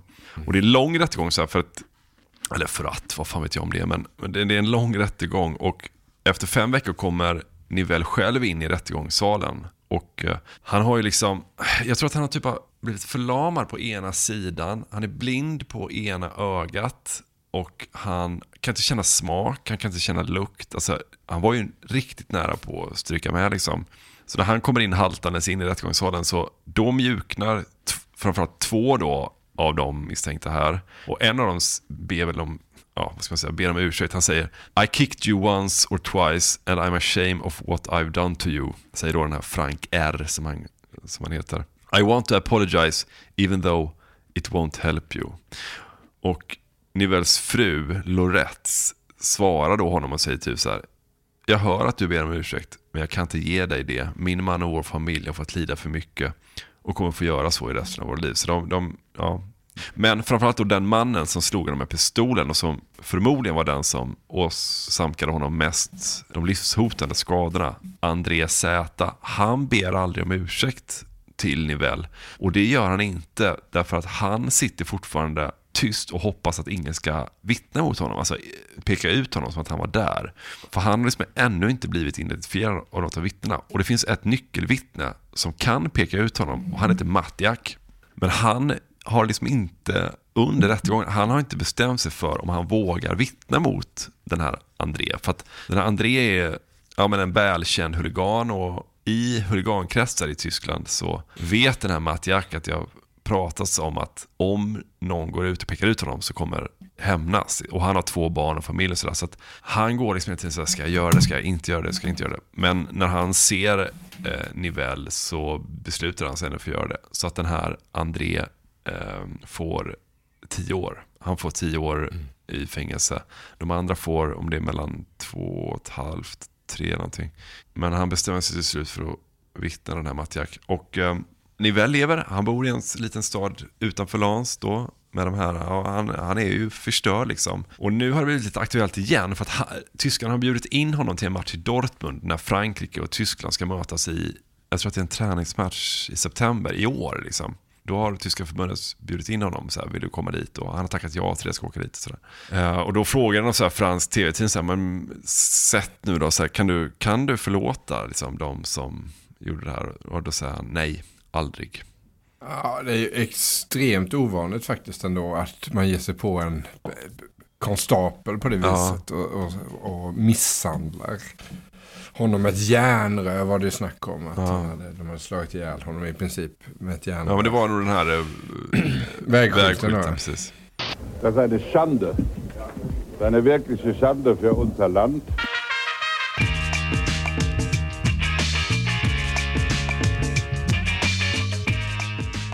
Det var ju en annan sån, alltså det var ju två som jag minns det snacksar av det slaget. Den andra var ju den här rasismsnackisen i Holland. Mm. Efter matchen mot Jugoslavien. Efter åttondelen mot Jugoslavien ändå. Ja, Ja, Eh, Ett fantastiskt Holland eh, Ja. vill jag bara understryka. Vi kommer komma tillbaka till det lite senare här. Hur jävla bra de var så var det ju den här återkommande frågan någonstans i holländsk fotboll som på nytt blossade upp under VM när eh, målvakten van der Sar eh, slog till Winston Bogard i firandet eh, efter segern mot Jugoslavien i åttondelen. De kör ju någon, inte tv-puck hög, men ganska ordentligt firande och van der Sar hamnar lite i kläm kanske och Ja. viftar till och det är väldigt uppenbart att det är mot Bågarde. Otroligt märklig spelarkarriär för övrigt. Behöver vi inte gå in på nu. Men jag minns hur jag såg det här på tv. Såg ju matchen såklart, såg alla matcher. eh, och, och så här, och, ah! hojtade till lite där som Glenn Strömberg kommer att göra 15 år senare. Där satt i den här hörnsoffan i mörkblått sammet hos min kompis Böna på Eriksgatan. Hjälmet där vi såg alla matcher. Den där infesna hörnsoffan som han hade ärvt, fått ärva av sina föräldrar när han flyttade hemifrån. Hörnsoffa. Så otroligt vuxet att ha en hörnsoffa. Kunde sitta så här ni- 19 personer i den. Utan, utan att det var trångt. Och där såg vi ju alla matcher. Lämnade knappt den soffan under en månad alltså. Så jävla fint. Men jag, jag minns att jag såg det på bilderna så här. Och jag minns inte att SVT plockade upp det direkt sådär att åh, vad var det som hände här? Men det blev ju en snackis. Och då blev det ju det här, aha, var det, handlade om rasism igen? Bråkade de här spelarna för att de inte tyckte om varandra på grund av att de såg olika ut, så att säga. Och det är inte så konstigt att den spekulationen genast eh, tog fart faktiskt, om man tittar på hur det historiskt har sett ut i holländsk fotboll. Vissa i det här holländska landslaget, eh, de kom ju från holländska städer. Vissa av dem kom från holländska kolonier. Bland annat då Surinam framförallt handlade det om. Som hade varit en holländsk kolon koloni sedan 1600-talet. Och det vet du vad det innebär. Eh, extremt utnyttjande och förslavande och så vidare. Tittar man på alltså, Surinam och deras prägel på det holländska landslaget. Det är ganska intressant faktiskt. För att den första Surinam-födde landslagsspelaren. Han hette Humphrey Mil Milnais. Milnais. Han kom in i landslaget på 60-talet. Helvete vad tidigt. Men vi vet ju också hur det holländska landslag som spelade VM-finaler 74 och 78 såg ut. Ja. Det var ju ett kritvitt landslag. Så att F efter Milnais så dröjde det alltså 21 år innan Frank Rijkaard blev den andra med surinamesiskt påbrå i landslaget. Och sen följdes han av Rud Schüllit och de tillsammans vann ju EM 88. Och inför VM 90 då min eh, Hollands vurm kanske pikade någonstans. Jag älskade ju Schüllit, van Basten och Rijkaard. Och Börnas föräldrar hade köpt, precis köpt sin hörnsoffa. Ja, och det i kombination med den här sammetsblå hörnsoffan. eh, alltså, Sammet är liksom- så jävla... Man, så här, man måste sluta göra soffor i något annat än skinn. Man kan inte hålla på med de här tygsofforna. Alltså, vi har så mycket barnspyor i vår soffa. nu. Alltså, vi skulle kunna ha latex i det enda liksom, tänkbara alternativet till, till vårt skinnsoffa. Ja. Får plasta in sitt hem under fyra år. Minst när man har småbarn. Så här. Jag hade en kompis föräldrar som, när han gick ut, han blev alltid så jävla full. Och kom hem. Så att varenda gång han gick ut och skulle gå på dans och så, här, så plastade de in vardagsrummet. För att de visste att han kommer komma, Pierre han. Han kommer komma hem och spy ner i huset. Så de plastade in. Inte så här, vi håller honom hemma eller vi lär honom dricka på ett vettigt sätt. Utan så här, nu stack Pierre iväg, fram plastrullen älskling så snor vi in sofforna här. Ja, men inför VM 90 så ledde Rud Schüllit en eh, slags revolt då mot förbundskaptenen som heter Tys Libre Libregts. Libregts. Vi är inte bra på uttal i den här, i den här podden. Vi är inte det. Vi blir, jag blir sämre också. Alltså, jag tycker det är svårare. Tys Libregts. Han hade tagit över efter eh, Rinus Michels som var förbundskapten 88 när de vann. Eh, otacksam uppgift såklart. Han hade tidigare utstått kritik då, eller fått kritik för att han hade kallats skyldigt för Blackie vid något tillfälle. Mhm. Och nu så blev han eh, anklagad för att förfördela de vita spelarna. Och, och fick sparken inför VM 90 och så kom Leo Benhacker in. Eh, han som senare tog Zlatan till eh, Ajax tror jag. Mm. Och det här med Surinam och Holland är intressant för att Surinam blev självständiga 75. Jättemånga människor, jättemånga su- surinameser Mm. emigrerade till Holland. Det var, det var stökigt där nere. Eh, och ett par år, år in på 90-talet så, så var ju Ajax helt fantastiskt bra alltså. Och många av dem från Surinam som flyttade till Holland, de hamnade i en förort i Amsterdam, eller till Amsterdam, som bara låg på andra sidan motorvägen från där Ajax spelade. Det borde vara Amsterdam Arena då. Ja. Och när Ajax vann Champions League 95, när de slog Milan med Bobban, Donadoni, Oh. Maldini, Baresi, Albe- Albertini, Costa Curta och sådär. Då var det med spelare som Davids, Cedorf, Rijkaard, Reitziger, van der Sar. Även Jari Littmanen, De Boer, Overmars, Bågade, Klövert, Kano. Jävla gött lag. Ja, Otroligt vilket gäng. jävla gäng. Men också många från ehm, eh, med rötter i Surinam så att säga. Sen kom EM 96. Och det har vi ju gjort ett avsnitt om. Jag tror inte vi pratade så mycket om Holland då. Men det som sker där är ju att Edgar Davids blir hemskickad av förbundskaptenen Jus Hiddink. Efter ett bråk där David ska ha sagt något i stil med att du har ditt huvud så långt uppstoppat i röven på Danny Blind att det liksom inte finns en möjlighet att få ut det. Och det trodde ju många då att det var ett utbrott mot att vita spelare förfördelades i Hiddings landslag. Senare tror jag att det har framkommit att det, det handlade om något helt annat. Det handlade om eh, hur de fick lön i Ajax, eh, de yngre spelarna jämfört med de äldre spelarna. Och sådär. Men det här blossade ju upp under 96 EM såklart. Och till saken då hör att en lunch som det holländska laget höll i en trädgård. Eh, Jag har sett bilder på det. Det ser väldigt, väldigt idylliskt ut. Så här. Nu ska vi äta lunch här. Vanliga trädgårdsmöbler. Eh, De har så här pikétröjor och ser helt förskräckliga ut allihopa. Mikael och, Eh, Mikael och Brian Laudrups sköter, sköter, De är med. sköter grillen. Jag grillar fläsk. Eh. Nu, nu, nu är det. Fläskesvål. Nu är det det. Till den här lunchen så har de tagit in en kock från Surinam som ska laga en speciell eh, måltid för de som vill ha det. Och då vill ju spelarna med rötterna i Surinam ha det. Så de sätter sig vid ett särskilt bord på den här lunchen. Och då kommer det in en fotograf till den här lunchen, travar in i den här trädgården. Jus Hiddink reser sig upp och säger stopp. Ingen ska ta bilder här. Vi vill inte bli fotograferade. Fotografen knäpper av en bild som senare publiceras. Och på den bilden så sitter ju då de färgade spelarna tillsammans vid ett Ja. bord och de vita vid ett bord. Och så späs det här på på något vis. Holland åker ut på straffar eh, i EM 96 tror jag mot Frankrike. Eh, sen börjar de kvala mot VM 98. Och gör det jättebra. Efter det lyckade VM-kvalet så uttalar sig vissa av s- de, de färgade spelarna, om man får säga så. Mm. Eh, bland annat Klövet då i en surinamesisk tidning och säger att vi hade hellre spelat i Surinams landslag om det landslaget hade haft med det här att göra. För att vi känner oss inte riktigt respekterade. Där, kan man, där kan man ju också vara lite källkritisk i och för sig. För att, eh, ja. Hur ska man... man kan nog vara Hur, det. hur då? Eller, det är nog jävligt grovt ju, om det är ett, om det är ett Jo, precis. Men ja, jo, det är sant.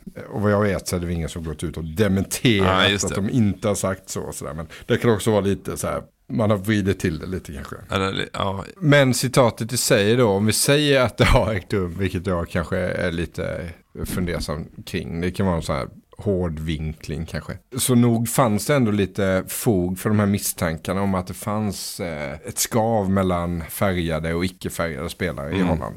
Eh, Jus Hiddink eh, var ju förbundskapten även under kvalet och i VM 98. Han använde ju inte Edgar Davids under en enda kvalmatch till VMet. Åh jävlar. Men sen när det väl blev VM så tog han ut honom i truppen och så tog han även in Frank Rijkaard som assisterande förbundskapten. För att visa lite sådär att ja, men det är liksom inget problem här. Nej. Nu, kör vi. Och Davids är ju mycket Holland VM 98. 98 för mig alltså. Eh, Men de är väl typ, de är väl skitmånga. Reitziger, Bågarde, Davids, Seidorf. Sen kommer ju Aron Winter är väl med också. Aron Alltså, Winter med på ett hörn. Jag tror att Klöivert såklart. Sen tror jag att de andra där, truppen, typ.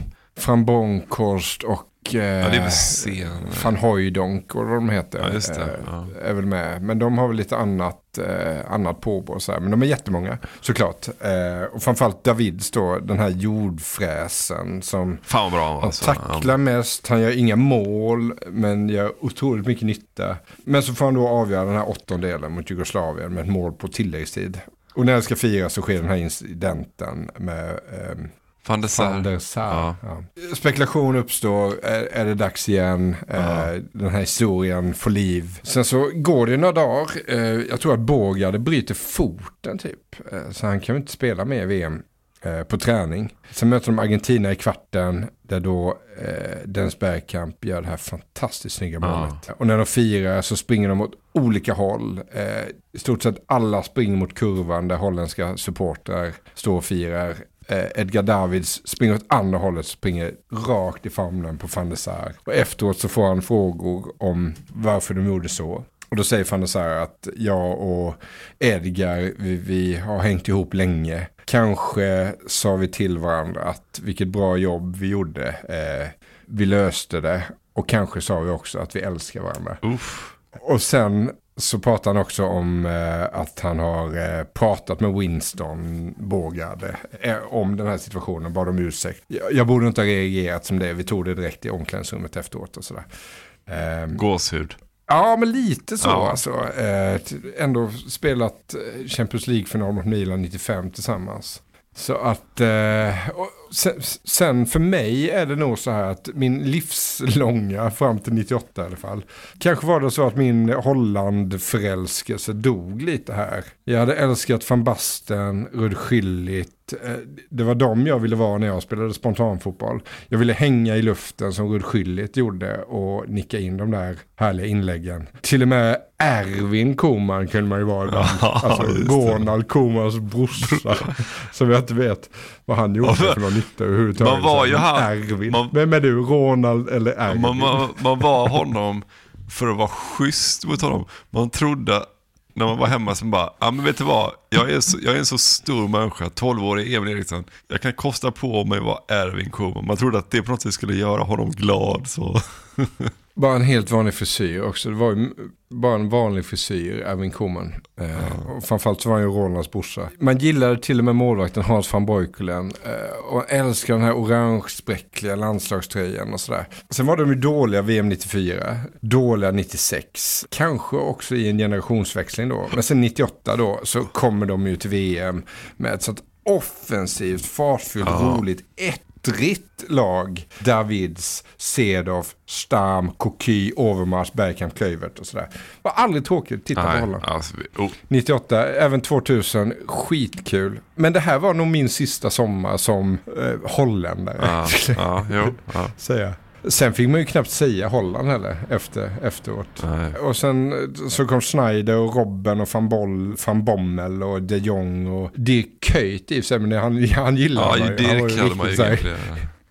Riktigt god holländare. Han spelade alltid med knuten näve, det var så här sjukt. Han hade alltid sin högerhand knuten när han spelade så här. Dick Kuyt gjorde mig till en stolt holländare igen. Men, men eh, efter 98 så var det inte så mycket. Och jag känner inte så mycket idag heller. Jag tycker att vet, så VM-finalen då 2010, så här, det där är inte mitt Holland. Så ska inte mitt Holland spela. Defensivt, eh, ganska tråkigt och sådär. Så min holländska mani, mani dog eh, VM 98. Eh, och efter den här semifinalförlusten mot eh, Brasilien på straffen.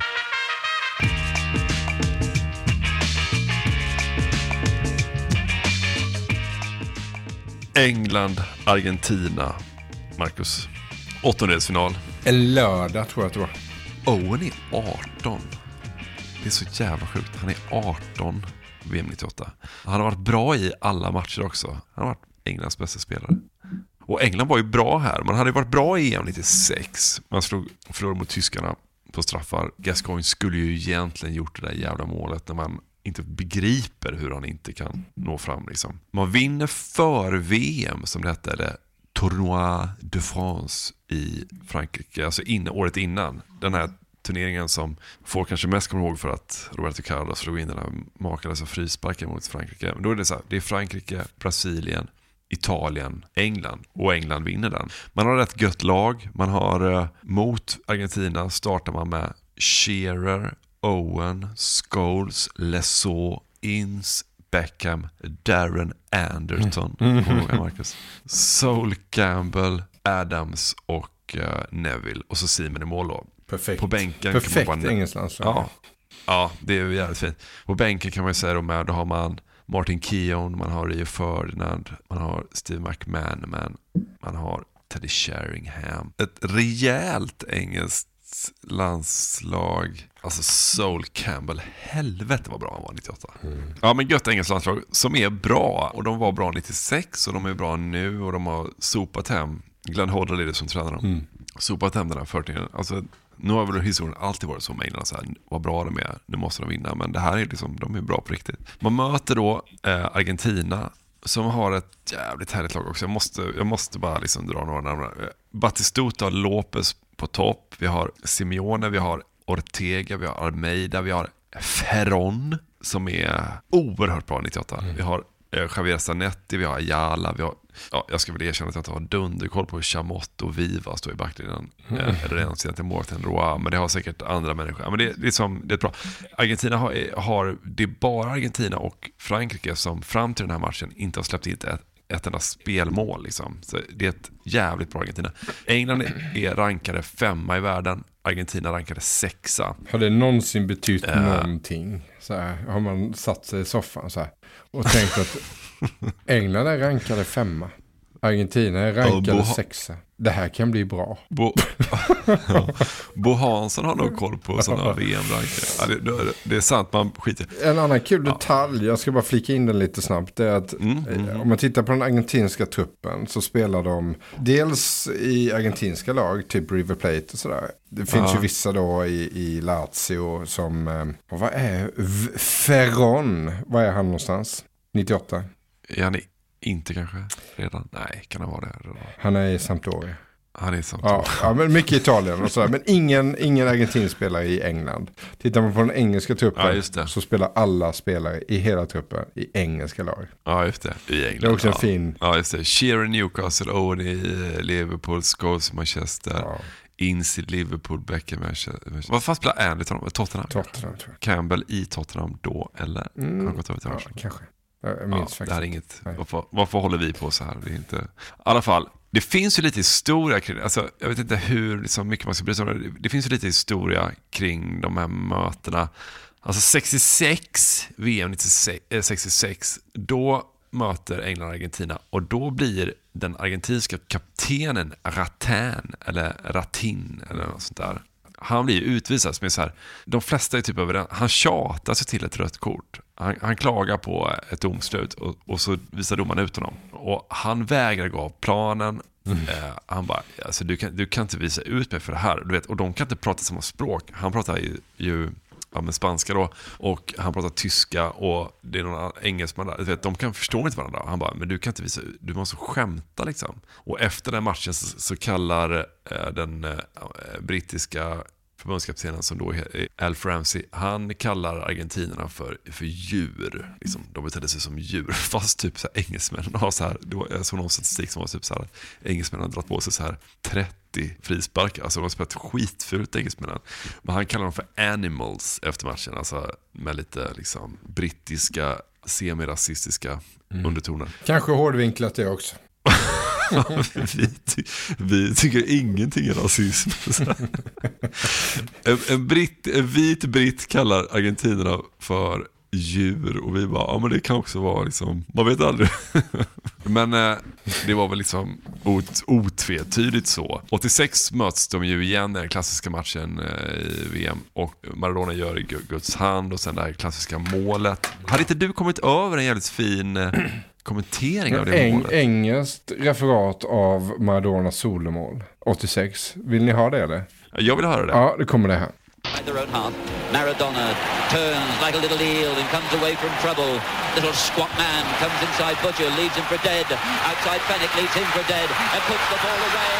And that is why Maradona is the greatest player in the world. He buried the English defence. He picked up that ball 40 yards out. He left one man for dead. First he went past Sansom. It's a goal of great quality by a player of the greatest quality. It's England nil, Argentina two. The first goal should never have been allowed. But Maradona has put the seal on his greatness. He's left it thumbprint on this World Cup. He scored a goal that England just couldn't cope with. They couldn't face up to. It was beyond their ability. It's England nil, Diego Maradona two.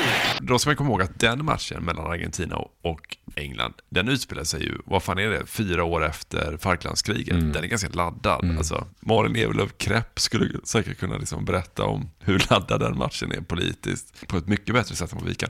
Ja, Men det är klart att den, den, den är laddad och eh, den innehåller ju Guds hand och Ja, men efter den matchen, jag läste en jävligt kul fakta som jag inte kände till. Men efter den matchen 86, när Maradona gjort Guds hand och solomålet, så byter Englands Steve Hodge till sig Maradonas tröja. Vilket visar sig vara ett snilledrag, för han, han kan senare sälja den på auktion för 7 miljoner pund. Det är förmodligen här, tusen gånger mer än vad han någonsin tjänar som fotbollsspelare. det är också mer än vad, mer än vad vi kommer få från de där, de där permarna i Örby som vi ska komma över med Ja, och säljer, han i Hägerfors. säljer de på, Bu- Kanal Plus-kontrakt. säljer de på Bu- Bukowski sen på, för 800 kronor. Ja, just det. Först har vi så här Edvard Munchs Skriet och sen efter det har vi Maradonas tröja. Sen tredje, då kommer Sib upp där med de här pärmarna med Arne Hegerfors kontrakt. Kanal Plus 98. It's a total disgrace for the country. Jo, inför matchen 98, då gör Adidas, alltså eh, Beckham är ju stor. Beckham har ju träffat Victoria, Beckham heter hon inte, vad fan heter hon då? Victoria, alltså Spice Girl Victoria. Mm. Vad fan heter hon i efternamn? Det vet man kanske inte. De har ju träffats, så att han är ju deras posterboy då i Adidas. Ja, så de gör en reklam som typ där det står After tonight, England versus Argentina will be remembered for what a player did with his feet. Som någon slags passning då till Guds hand. Att så här, nu är det liksom, det här ska skötas på enligt reglerna på något sätt. Och det här, här finns ju naturligtvis en otrolig ironi som vi då, som ni säkert anar att vi kommer Mm, komma mm. tillbaka till. Men jag tänkte vi, vi, vi bara tar oss igenom den här matchen för det är en sån här otrolig fotbollsmatch Mm, verkligen. Kvällsmatch, England-Argentina, det finns en historia. Kanske en, en av de bästa VM-matcherna man Ja. någonsin har sett Ja, faktiskt. alltså. så är det. Så är det. Alltså matchminut 6, Skarvnik når Simeone som kommer liksom i någon slags studsande friläge mot Simen. Man ser två dagar innan att Simon kommer för sent ut här liksom. Now Ortega. Lopez has made a run, but a straight offside. Now he's back on. Batistuta and Simeone. And down he goes into penalty. Seaman penalised. Väldigt, väldigt klumpigt river han ner Simeone som träffar också, släpar sin fot längs skrevet på Simon. Straff, Argentina, Batistuta dånar in den, skjuter straffen på ett sånt sätt som egentligen Mm. kanske bara Batistuta och typ Alan Shearer slår dem. Alltså så här stenhårt. Simon går åt rätt håll, är där men den är för hård liksom. 1-0 till Argentina. Seaman is on record as saying that he will decide which way to dive as the player is running up. And that player is going to be Gabriel Batistuta. And Seaman got a hand to it but couldn't keep it out. Argentina have the lead after barely five and a half minutes. Det är matchminut 6. Matchminut 10, Owen. Alltså Owen är så oerhört bra. Han har en så här livlig, ungdomlig energi. Han studsar igenom, du vet, bara så här, inga finter, han bara glider igenom och rivs ner av eh, argentinarna. Inte så mycket kontakt egentligen, men det blir straff. Vem slår den? Shearer naturligtvis. How England need it now. It's Shearer, and it's 1-1. Calmness personified. Not a hint of self-doubt. stenhårt högt upp vänstra krysset som en tysk. Liksom. Oerhört kontrollerad, hård, hög. Det är matchminut 10, 1-1.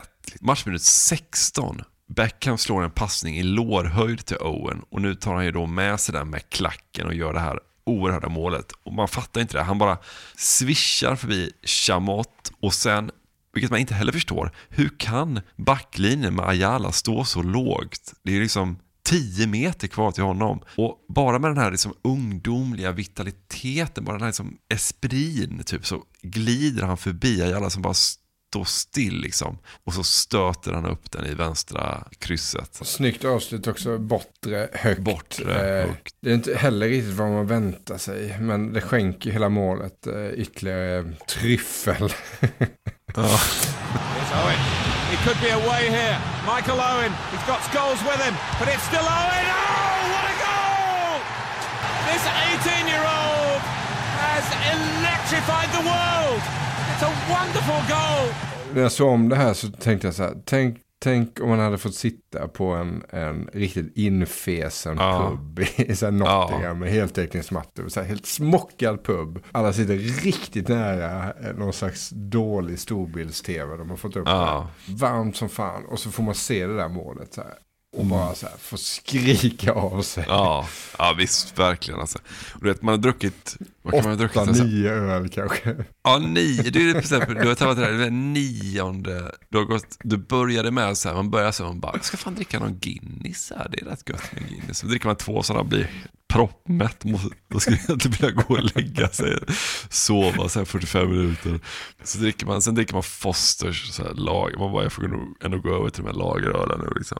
Och så dricker man sådana, så man ser man ser dubbelt nästan. Ja, det, är sånt, det är ett underbart fotbollsmål. Alltså det är så här, eh, och det är också något med det som bara är så här, han är, det är bara en spelare som är i sitt livsform och som har någon form av egenskap med som de andra inte riktigt kan mäta sig mot. Som också bara att han är så ung. Alltså det är bara unga ben liksom. Och han, när, precis när han ska skjuta in den, då är ju Scholes där och skulle kunna drämma på den med en vrist. Men han, han har sån, fast han är 18 så är det bara så här, flytta på det liksom. Jag ska trycka in den här själv. Så stöter han upp den i, ja det är så jävla, otroligt läckert. Strax efter det, alltså nu, nu går jag bara igenom lite så här målchanser bara för att liksom, det är en sån jävla tung match. Det här är matchen ut då, som sagt, 16. Sen är det så här, Paul Ince med ett så här tungt halvvolleyskott utanför straffområdet, tippas över ribban. Och sen så är det en massa halvchanser åt eh, båda håll. Det är, väldigt, det är högt tempo, det är mycket tacklingar också. Och hög kvalitet på allt som händer hela tiden också. Scholes har ett läge där han liksom på någon slags skarv blir typ fri med målvakten, borde verkligen göra mål där. Ortega Alltså Ortega är ju, det är också väldigt fint att Ortega har ju liksom, det har kommit fram en ny argentinare med så här små duvfötter som kan liksom, smala fötter som bara rör sig dubbelt så snabbt. Så de, han får ju liksom Sol Campbell att se lite klumpig ut liksom. Mm, mm. Smidig, kvick och så Batistuta som bara skjuter på allt. Så här, det dimper ner en boll framför Batistuta. Han bara dånar på den så hårt han kan liksom. Zanetti, 40, matchminut 45, där är då slutet av första halvlek. England leder med 2-1. Då får ju Argentina en frispark och då gör de ju faktiskt, det här är helt förträngt, men de gör ju ett identiskt mål som vår frisparksvariant 94. Innan punkt kunde sättas för en fantastisk första halvlek skulle Argentina lägga en sista frispark. Veron till Zanetti. 2-2. En person hoppar över, Veron slår en passning till Zanetti som smugit ut från muren och så slår han in den i bortre. Ja, det är väldigt likt Brolin fast att han följer liksom inte med bollen utan tar emot bollen och skjuter in den med vänstern istället. Men de, de ger ingen credit till Sverige. De, jag har hört dem prata om det målet sen. Men de, de, de, de var, ja, vi hade trä- tränat på den varianten men ingen credit till Sverige. Vilket är märkligt för vad Vad vill du att de ska säga där? Så här, vi pratar med Tord Grip. Ja, ja, ja. ja, ja. Det var, så, det var en gammal man som Mm. hörde av sig. Han verkade, till en början verkade han väldigt förvirrad. Så här, vi tänkte att vad är detta för människa? Men sen hade han ändå något intressant att säga. Men Ja, en, liten, en liten man med dragspel från Ytterhogdal säger, eh, säger Javier Zanetti som lärde oss den här varianten. Ja, men fin, fint avslut också på Zanetti. Att han, Ja, han släpar. Ja. Man ser att det inte är hans bästa fot, vänster. Han liksom släpar foten så här, men det är ändå liksom högt och ja. Träffar långt ut på foten tror jag. Ja, precis, precis. Så nästan så att den får liksom yt... Ja, det är ett konstigt avslut. Halvtid då, 2-2. Och nu blir det ju ingen mål, mer mål under ordinarie tid. Eller, ja, eller heller inte i förlängningen. Det är ju golden goal nu också, ska man komma ihåg, 98. Men eh, andra halvlek får ju ändå rivstart då. Det är nu då som Diego Simeone trycker ner Beckham bakifrån. An England free kick. And Simeone is booked. And a red card for David Beckham. Well, question marks have been raised over his temperament on the big occasion. What an awful time to receive a red card in an international. And one wonders as he goes down the tunnel whether he takes England's World Cup hopes with him. Well, as Beckham lay on the ground, he did move his right leg in Simeone's direction, but it seemed to be something and nothing. Alltså backen får en passning, eh, Simone i ryggen på honom, trycker ner honom ganska hårt liksom. Och när backen ligger på marken så trycker han också till honom liksom en gång till sådär i- ryggen lite grann. Och han tar också i hans huvud lite grann som är typ lite, det är både en så här ruska om i håret typ ungefär, förlåt för det där. Men det är också typ en, att han trycker ner hans huvud liksom lite i gräset.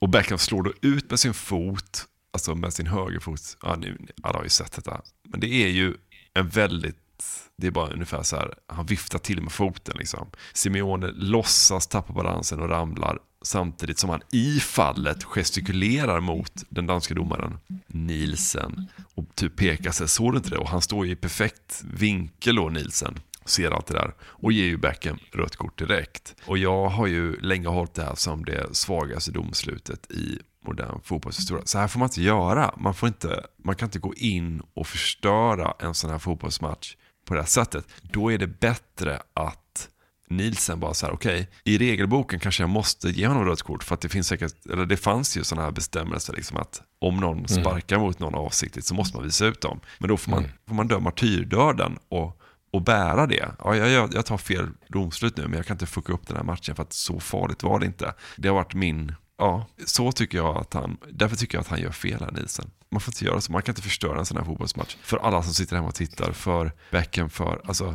Ja, jag håller med. Det, det, det är fjompigt. Knappt ett gult kort skulle jag säga. Knappt. Nej, precis. Man kan gå dit som domare. Man kan gå dit som domare med den långa överkroppen som den domaren också har. Har Ja, och det är ju bara en nacken. överkropp i. Nacken är ännu längre. och bara markera så här att det håller inte på. Det kan man göra. Man har den nacken och den överkroppen. Ja.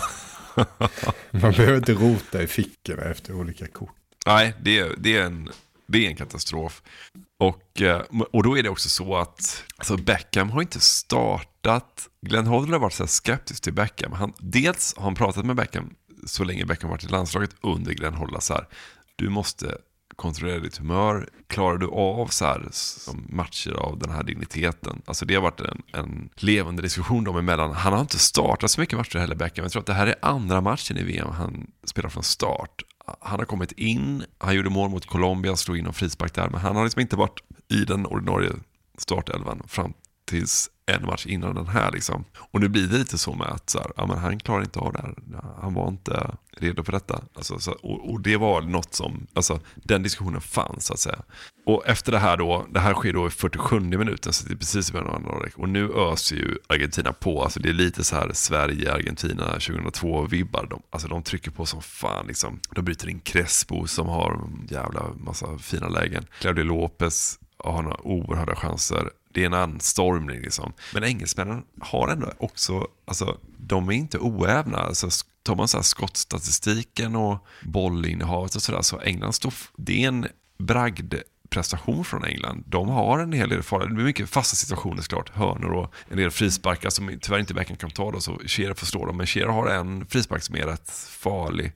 Men sista 20 är ju en total anstormning. Alltså, du vet, Veron, när han får ladda så här med gott om tid på sig utifrån, han skjuter fruktansvärt hårda skott liksom.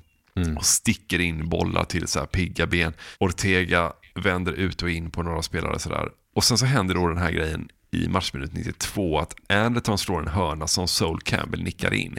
3-2 till England. Du vet, han kommer upp så här Ja, riktigt det. högt, trycker in den liksom. Men då är det så att Nielsen hävdar att Shearer har armbågat målvakten och målet döms bort. Och det är väl faktiskt rätt då. Det är ändå så. Han hade förmodligen nått den om inte Shearer hade tagit honom i huvudet. Men sen är det också så att Chamot tar med hand i en nickduell med Shearer. Som också kunde varit straff. Alltså det är nästan sån här, du vet, den här Mellberg-handen någon gång. Alltså han är så högt uppe med handen liksom. Och den, jag, jag tror inte de var med den i krönikan. Den, men det är så här, det är faktiskt ett felbeslut av Nielsen. Alltså det borde nog faktiskt varit straff till England där. Ja, surt. Övertid då. Eh, och i övertiden så ångar Argentina på. Veron fortsätter skjuta, Ortega är pigg. Owen är också, alltså det är jävligt mäktigt att se Owen faktiskt för att han är, han, har, alltså han gör sådana här räder på slutet som är så här, det finns hur mycket energi som helst i honom. Men 0-0 i övertiden och nu har vi straffarna och eh, då är det ju inte så kul att välja straffar för England för att de har tagit ut Scholes, de har tagit ut Lesaux, de har tagit ut Anderton och de har ju borta Beckham också då. Sen har man inte tagit in Sheringham utan istället Southgate och Paul Merson. Så de som slår straffar för England är Shearer, Owen, Inns, Paul Merson och David Batty. Mm. I Argentina slår Sergio Berti, Crespo, Veron, Gallardo, Ayala. For all the preparation, all the work over the past two years, comes down to what effectively is a lottery. Berti sätter 1-0, Shearer sätter ännu högre och ännu hårdare 1-1. Simon räddar eh, Crespo straff. Ins missar, det hade jag helt glömt. Ins slår en riktigt usel straff, missar den. Veron sätter sin, Paul Merson sätter, Gallardo sätter, Owen sätter sin. Well, here's a man for whom everything, bar a minor indiscretion in a club game at Old Trafford, has gone right. Don't change your luck now. It's Owen, and it's in. 3-3. Ayala sätter och sen är det ju Bettys tur.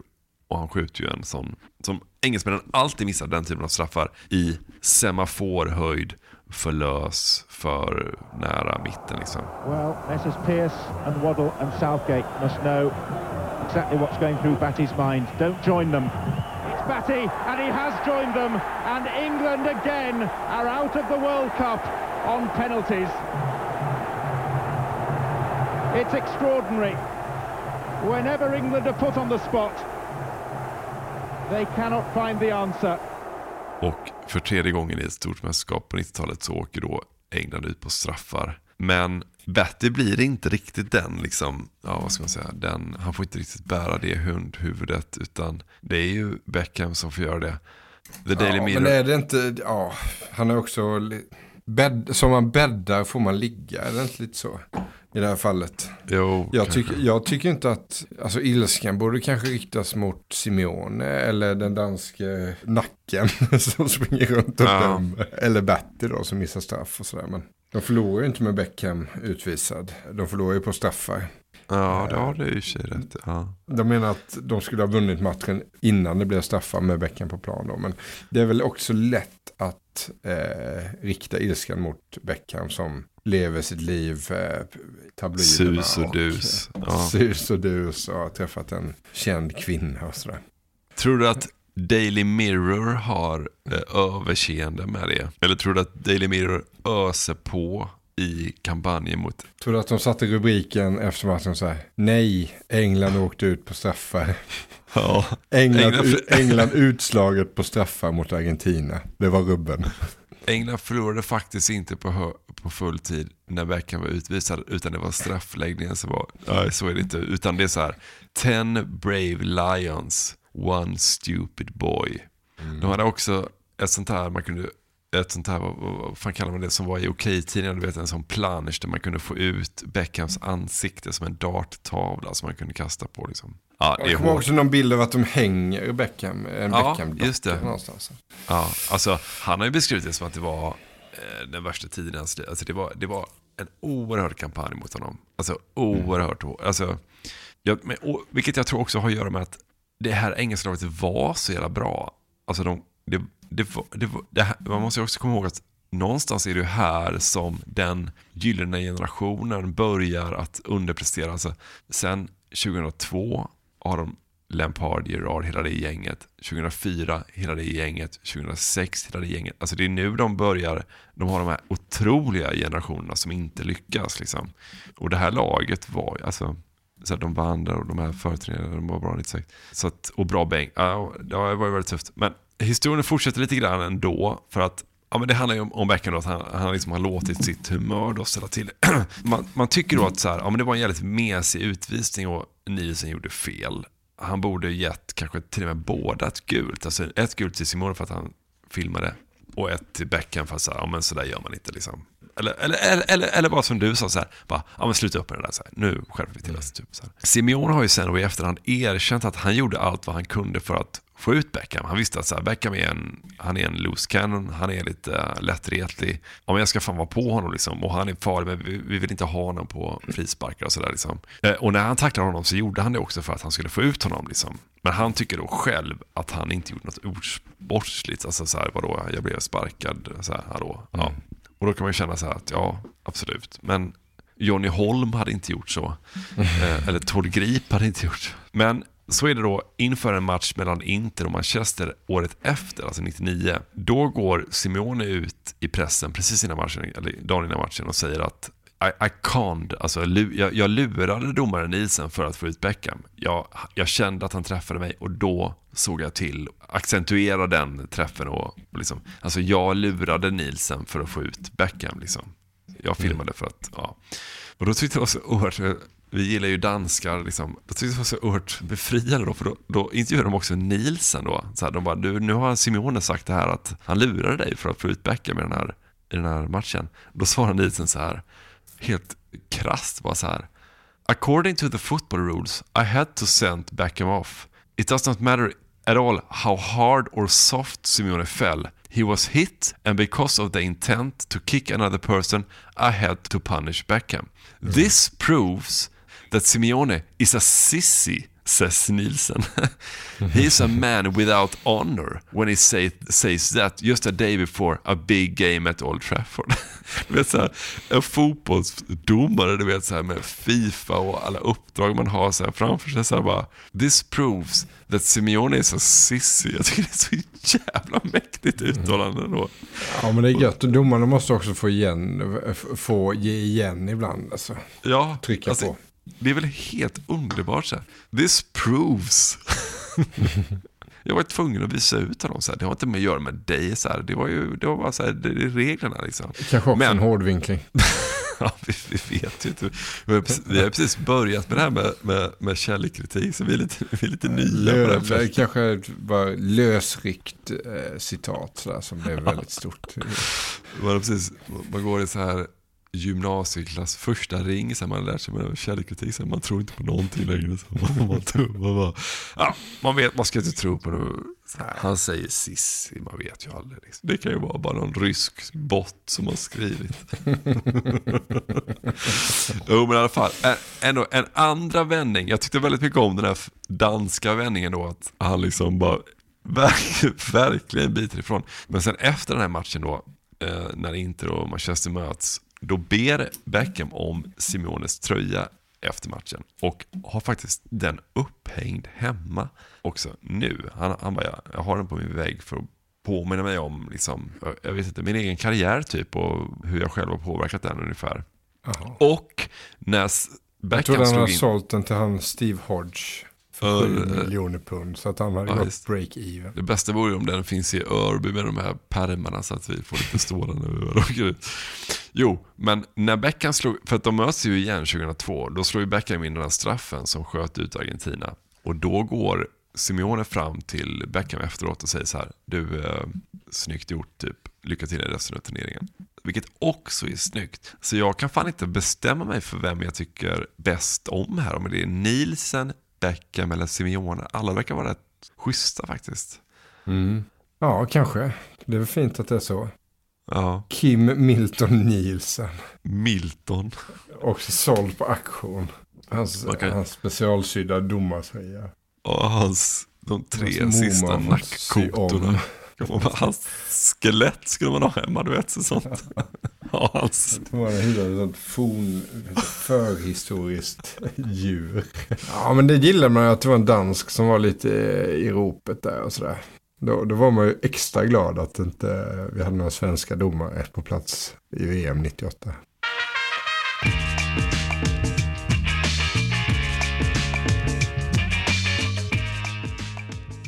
Du Marcus, Mm. VM 98 är ju ett underbart VM. Vi har ganska mycket kvar. Vi har inte berört Frankrike nämnvärt. Vi har inte berört Brasilien. Vi har inte snackat om Kroatien som ny nation tar sig hela vägen till eh, semifinal. Det finns oändligt mycket mer att prata om. Ska vi på något sätt försöka liksom leda lyssnarna in i nästa veckas avsnitt? Att vi, vi kan väl säga att vi bara är halvvägs in i, i ett på många sätt perfekt fotbolls-VM. När alla, alla var i en perfekt ålder på något vis. Även de som var gamla då var i perfekt ålder. För att ta sig an fotbolls-VM 98 på tjock-tv i en sammetsblå hörnsoffa som någon hade ärvt från sina föräldrar. Fått fisa in riktigt ordentligt. Börjat fisa i redan 88.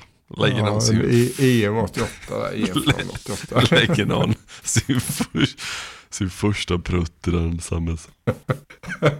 Ja. Nu är den här soffan igång. Ja. Invigningsceremoni. Sven Plex Pettersson är på plats. När den första. Kanske några kuddar i den soffan också i ett hörn sådär pliktskyldigt ditlagda va. Inte passar alls med varken mönster eller någonting. De, de, de, de ska vara där. Ehm, och i den soffan sitter man och så får man höra Arne Hägerfors göra sitt sista mästerskap som den briljante mästerskapskommentator han faktiskt var. Ta ett helt VM på sig för att lära sig uttala Cesar Champaio.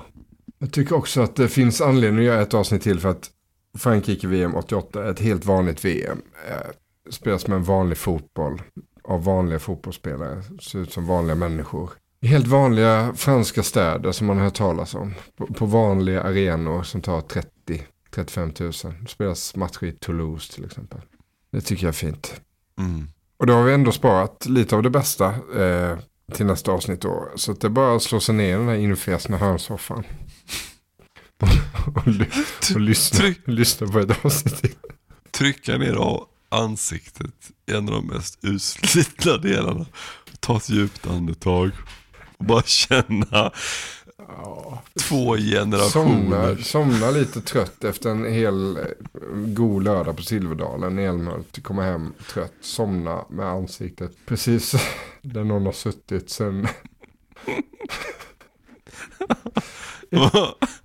EM 88.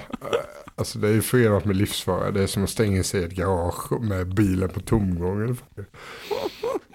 Söker dit, lägger där en stund. Och så tar vi oss an Brasilien, Frankrike, Kroatien, kanske lite Danmark. Vi spelar en låt från 1998 som, som gör sig riktigt bra när man ska sitta och fisa in en gammal hörnsoffa. Tack för att du har lyssnat. Tack. brought to life. He was warm, he came around like he was dignified. He showed me what it was to cry. Well, you couldn't be that man I adore. You don't seem to know, seem to care what your heart is for. Well, I don't know him. Listen how